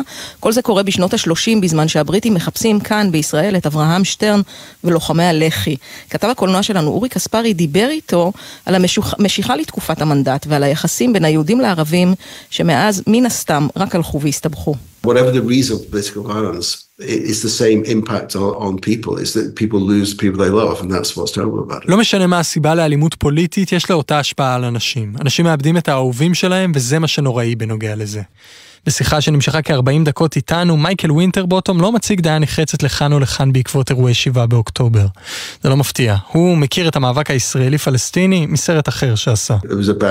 The grief and love that the families of the 60 children who were killed in May 2021, and now there's been what 10,000 families grieving for their children now. זה היה על הצער והאהבה שהיו למשפחות של 60 הילדים שנהרגו במאי 2021. עכשיו יש יותר מעשרת אלפים משפחות שמתאבלות על ילדיהן. לפני שנתיים הוא יצר את הסרט 11 ימים במאי, בשיתוף עם במאי פלסטיני. סרט יהודי העוקב אחר משפחות עזתיות בזמן מבצע שומר חומות, שתיעד פלסטינים שנפגעו מהפצצות. הסרט משך ביקורת, בעיקר בישראל. על שושנה הוא התחיל לעבוד לפני 15 שנה, כשביקר בפסטיבל הקולנוע בירושלים. הוא קרא את ספריו של ההיסטוריון תום שגב וגילה את סיפור האהבה של הקצין הבריטי תומאס ווילקין ושושנה בורוכוב היהודייה. אבל הוא לא רוצה שנחשוב שיש לו עניין מיוחד בישראל, או במלחמתה עם הפלסטינים. I don't have a particular connection to Palestine or to Israel. It sort of seemed like the British administration's experience in, in Palestine in the 30s was very similar to America and Britain's experience in Iraq. A sense of like invading a country, taking it over, occupying it, אין לי קשר מיוחד לישראל או לפלסטינים. נראה כאילו הממשל הבריטי בפלסטינה בשנות ה-30 היה דומה מאוד לניסיון של אמריקה ובריטניה בעיראק. זו תחושה של פלישה למדינה, השתלטות עליה, כיבוש בלי מדיניות ובלי לדעת מה לעשות. בסרט מוצגת המתיחות בתוך היישוב היהודי. אברהם שטרן והלח"י מצד אחד מתנגדים למנדט הבריטי ופועלים נגדו, מולם ההגנה ובורוכוב שמבינים את הצורך בשיתוף פעולה. לפני 7 באוקטובר, ווינטרבוטום הציג את הסרט בפסטיבל הקולנוע בטורונטו. שם זיהה הקהל הישראלי את המאבק הפנימי הזה עם המאבק בימי המהפכה המשפטית. When we showed the film in September, that was seen as being echo, you know, because there'd been the protests uh, against the government in Israel. So now, of course, with all the all the terrible events uh, of 7th October and, and then since, people sort of look at it in that light. כשהצגנו את זה בספטמבר, זה נתפס כהדהוד של המחאות נגד הממשלה בישראל. ועכשיו, כמובן, עם כל האירועים הנוראים של 7 באוקטובר ומאז, אנשים מסתכלים על זה באור הזה. מעניין לפי שושנה שמוצג עכשיו הוא סיפור אהבה מבחינתנו יותר, או שנראה יותר את המלחמה הזו, אבל אם אתה צריך הוכחה נוספת שהרשת מעודדת fake news, חדשות כזב, אתמול היה דוגמה מצוינת. I'm gonna stand like a unicorn אני בטוחה שאתה לא נפלת בפח, אפי, אבל אם היה רגע שחשבת שנועה קירל, נועה קירל שלנו, התאסלמה, שינתה את שמה לנימה קרם ועברה לגור ביהודה ושומרון, אז אולי בכל זאת... אבל לא, אין סיכוי, אתה לא מאמין לכל מה שכתוב בטוויטר. אני שומע את זה פעם ראשונה עכשיו, אני מודה. אז בבקשה, לרשומה של חשבון הומוריסטי, שעלתה גם לרשתות החברתיות, צורפו תמונות של הנציגה שלנו לאירוויזיון שעבר מצילומי פרסומת לחברת יס, בהם נראית קירל בחיג'אב כאחת הדמויות בפאודה. אולי אתה זוכר את הפרסומת.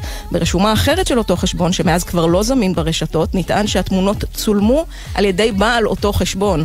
הצייצנים הפרו-פלסטינים התרגשו מהתוספת המכובדת לקהילה שלהם, והשאר היה חגיגה של כמה וכמה שעות ברשתות.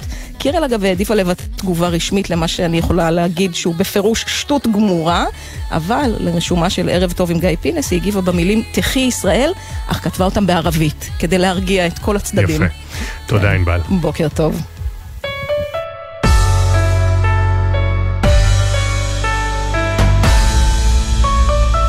ספורט, עידן קבלר, בוקר טוב. בוקר טוב, אפי, תכף על מכבי חיפה ומכבי תל אביב בגביע המדינה בכדורגל, אך תחילה כהרגלנו על היבטי המלחמה בספורט הישראלי ואולי גם הבינלאומי. העולם כולו התרגש כשיאניק סינר האיטלקי זכה לראשונה אתמול כאלוף אוסטרליה בטניס, אבל אנחנו רוצים להפנות זרקור לאלוף הישראלי של אוסטרליה בטניס, וזהו גיא ששון, שבסוף השבוע האחרון רשם הישג מכובד ביותר, כשסיים כסגן אלוף אליפות אוסטרליה הפתוחה בטניס. פראלימפי בתחרויות היחידים, כאמור בטניס בכיסאות גלגלים, טניס ליחידים וזוגות, כלומר בכפל זכיות אם תרצו. איתן מהלל ויוני זילברמן שוחחו עם גיא על החוויה וההישג המרשים באליפות לצד המצב בארץ והמבט מרחוק. הנה הכתבה.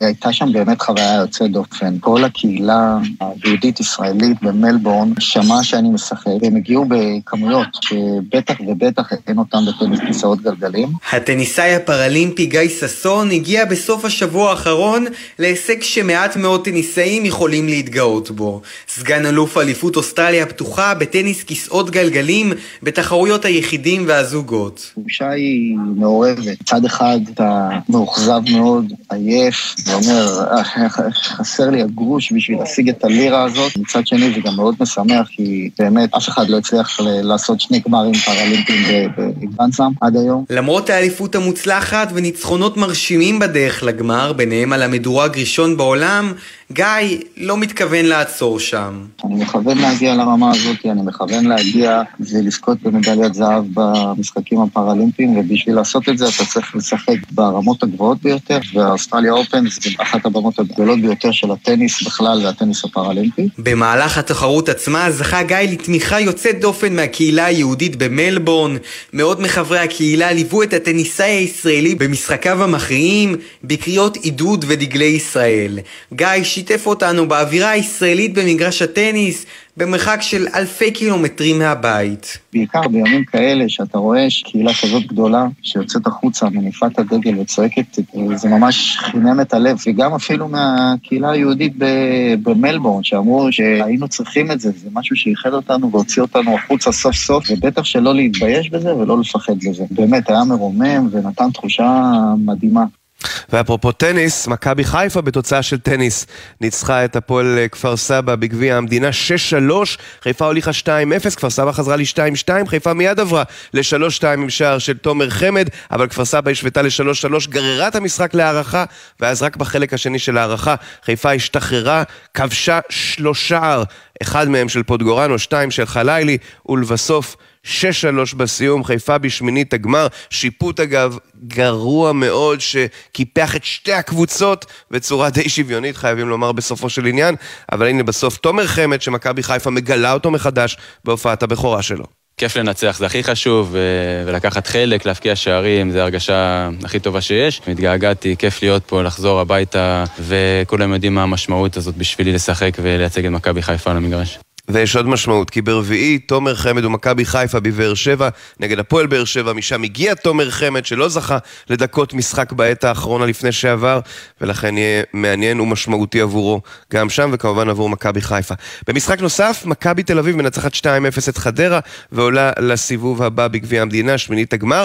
נציין שקפטן חדרה מנשה זלקה, שלקח חלק פעיל ביותר במלחמה כלוחם בצו 8, היה חלק מהסגל, אבל לא שותף. בסיום המשחק הזה רובי המאמן של מכבי תל אביב, דיבר על תנאי המגרש באיצטדיון בנתניה. רמז, הם היו נוראים. It wasn't a tough win because I thought we dominated the game, even in really difficult circumstances with the field. I said to the guys before the game, we know you can play football, but can you fight? At times you have to be a fighting performance because of the pitch. אומר רובי קין, אני לא חושב שזה היה ניצחון קשה, כי שלטנו במשחק למרות תנאי המגרש, אמרתי לחברים, אנחנו יודעים שאתם יודעים לשחק כדורגל, השאלה אם אתם גם יודעים להילחם, לפעמים אתה צריך להילחם בגלל מצב הדשא. בכדורסל, הפועל ירושלים ניצחה את הפועל באר שבע דימונה, זאת לאחר שכבר פיגרה במספר דו-ספרתי של נקודות, ובכך הגדילה את רצף הניצחונות שלה בליגה לשישה ניצחונות רצופים.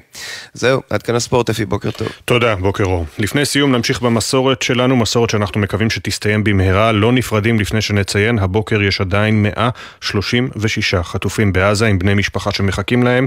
אחת מהם היא מיכל, אשתו של אלכס לובנוב, שנחטף כבר לפני 115 יום. שלום, אני מיכל, אשתו של אלכס לובנוב, שחטוף בעזה כבר 115 ימים. אלכס, אני נלחמת עליך בכל כוחי. אוהבת אותך, רוצה שתדע שאנחנו עושים הכל כדי להחזיר אותך ואת כולם הביתה. תאמין, אל תאבד תקווה. יש לך סיבות כל כך טובות לחזור. אני לא ארים ידיים לעולם עד שתהיה בבית.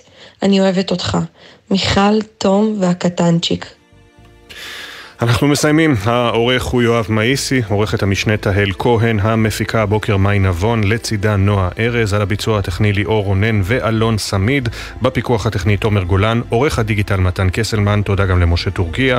אחרי כותרות שמונה יהיו פה ספי עובדיה ויאיר שרקי, אנחנו ניפגש שוב מחר, יום שלישי, שש בבוקר, עוד יבואו ימים טובים יותר, בוקר טוב ישראל.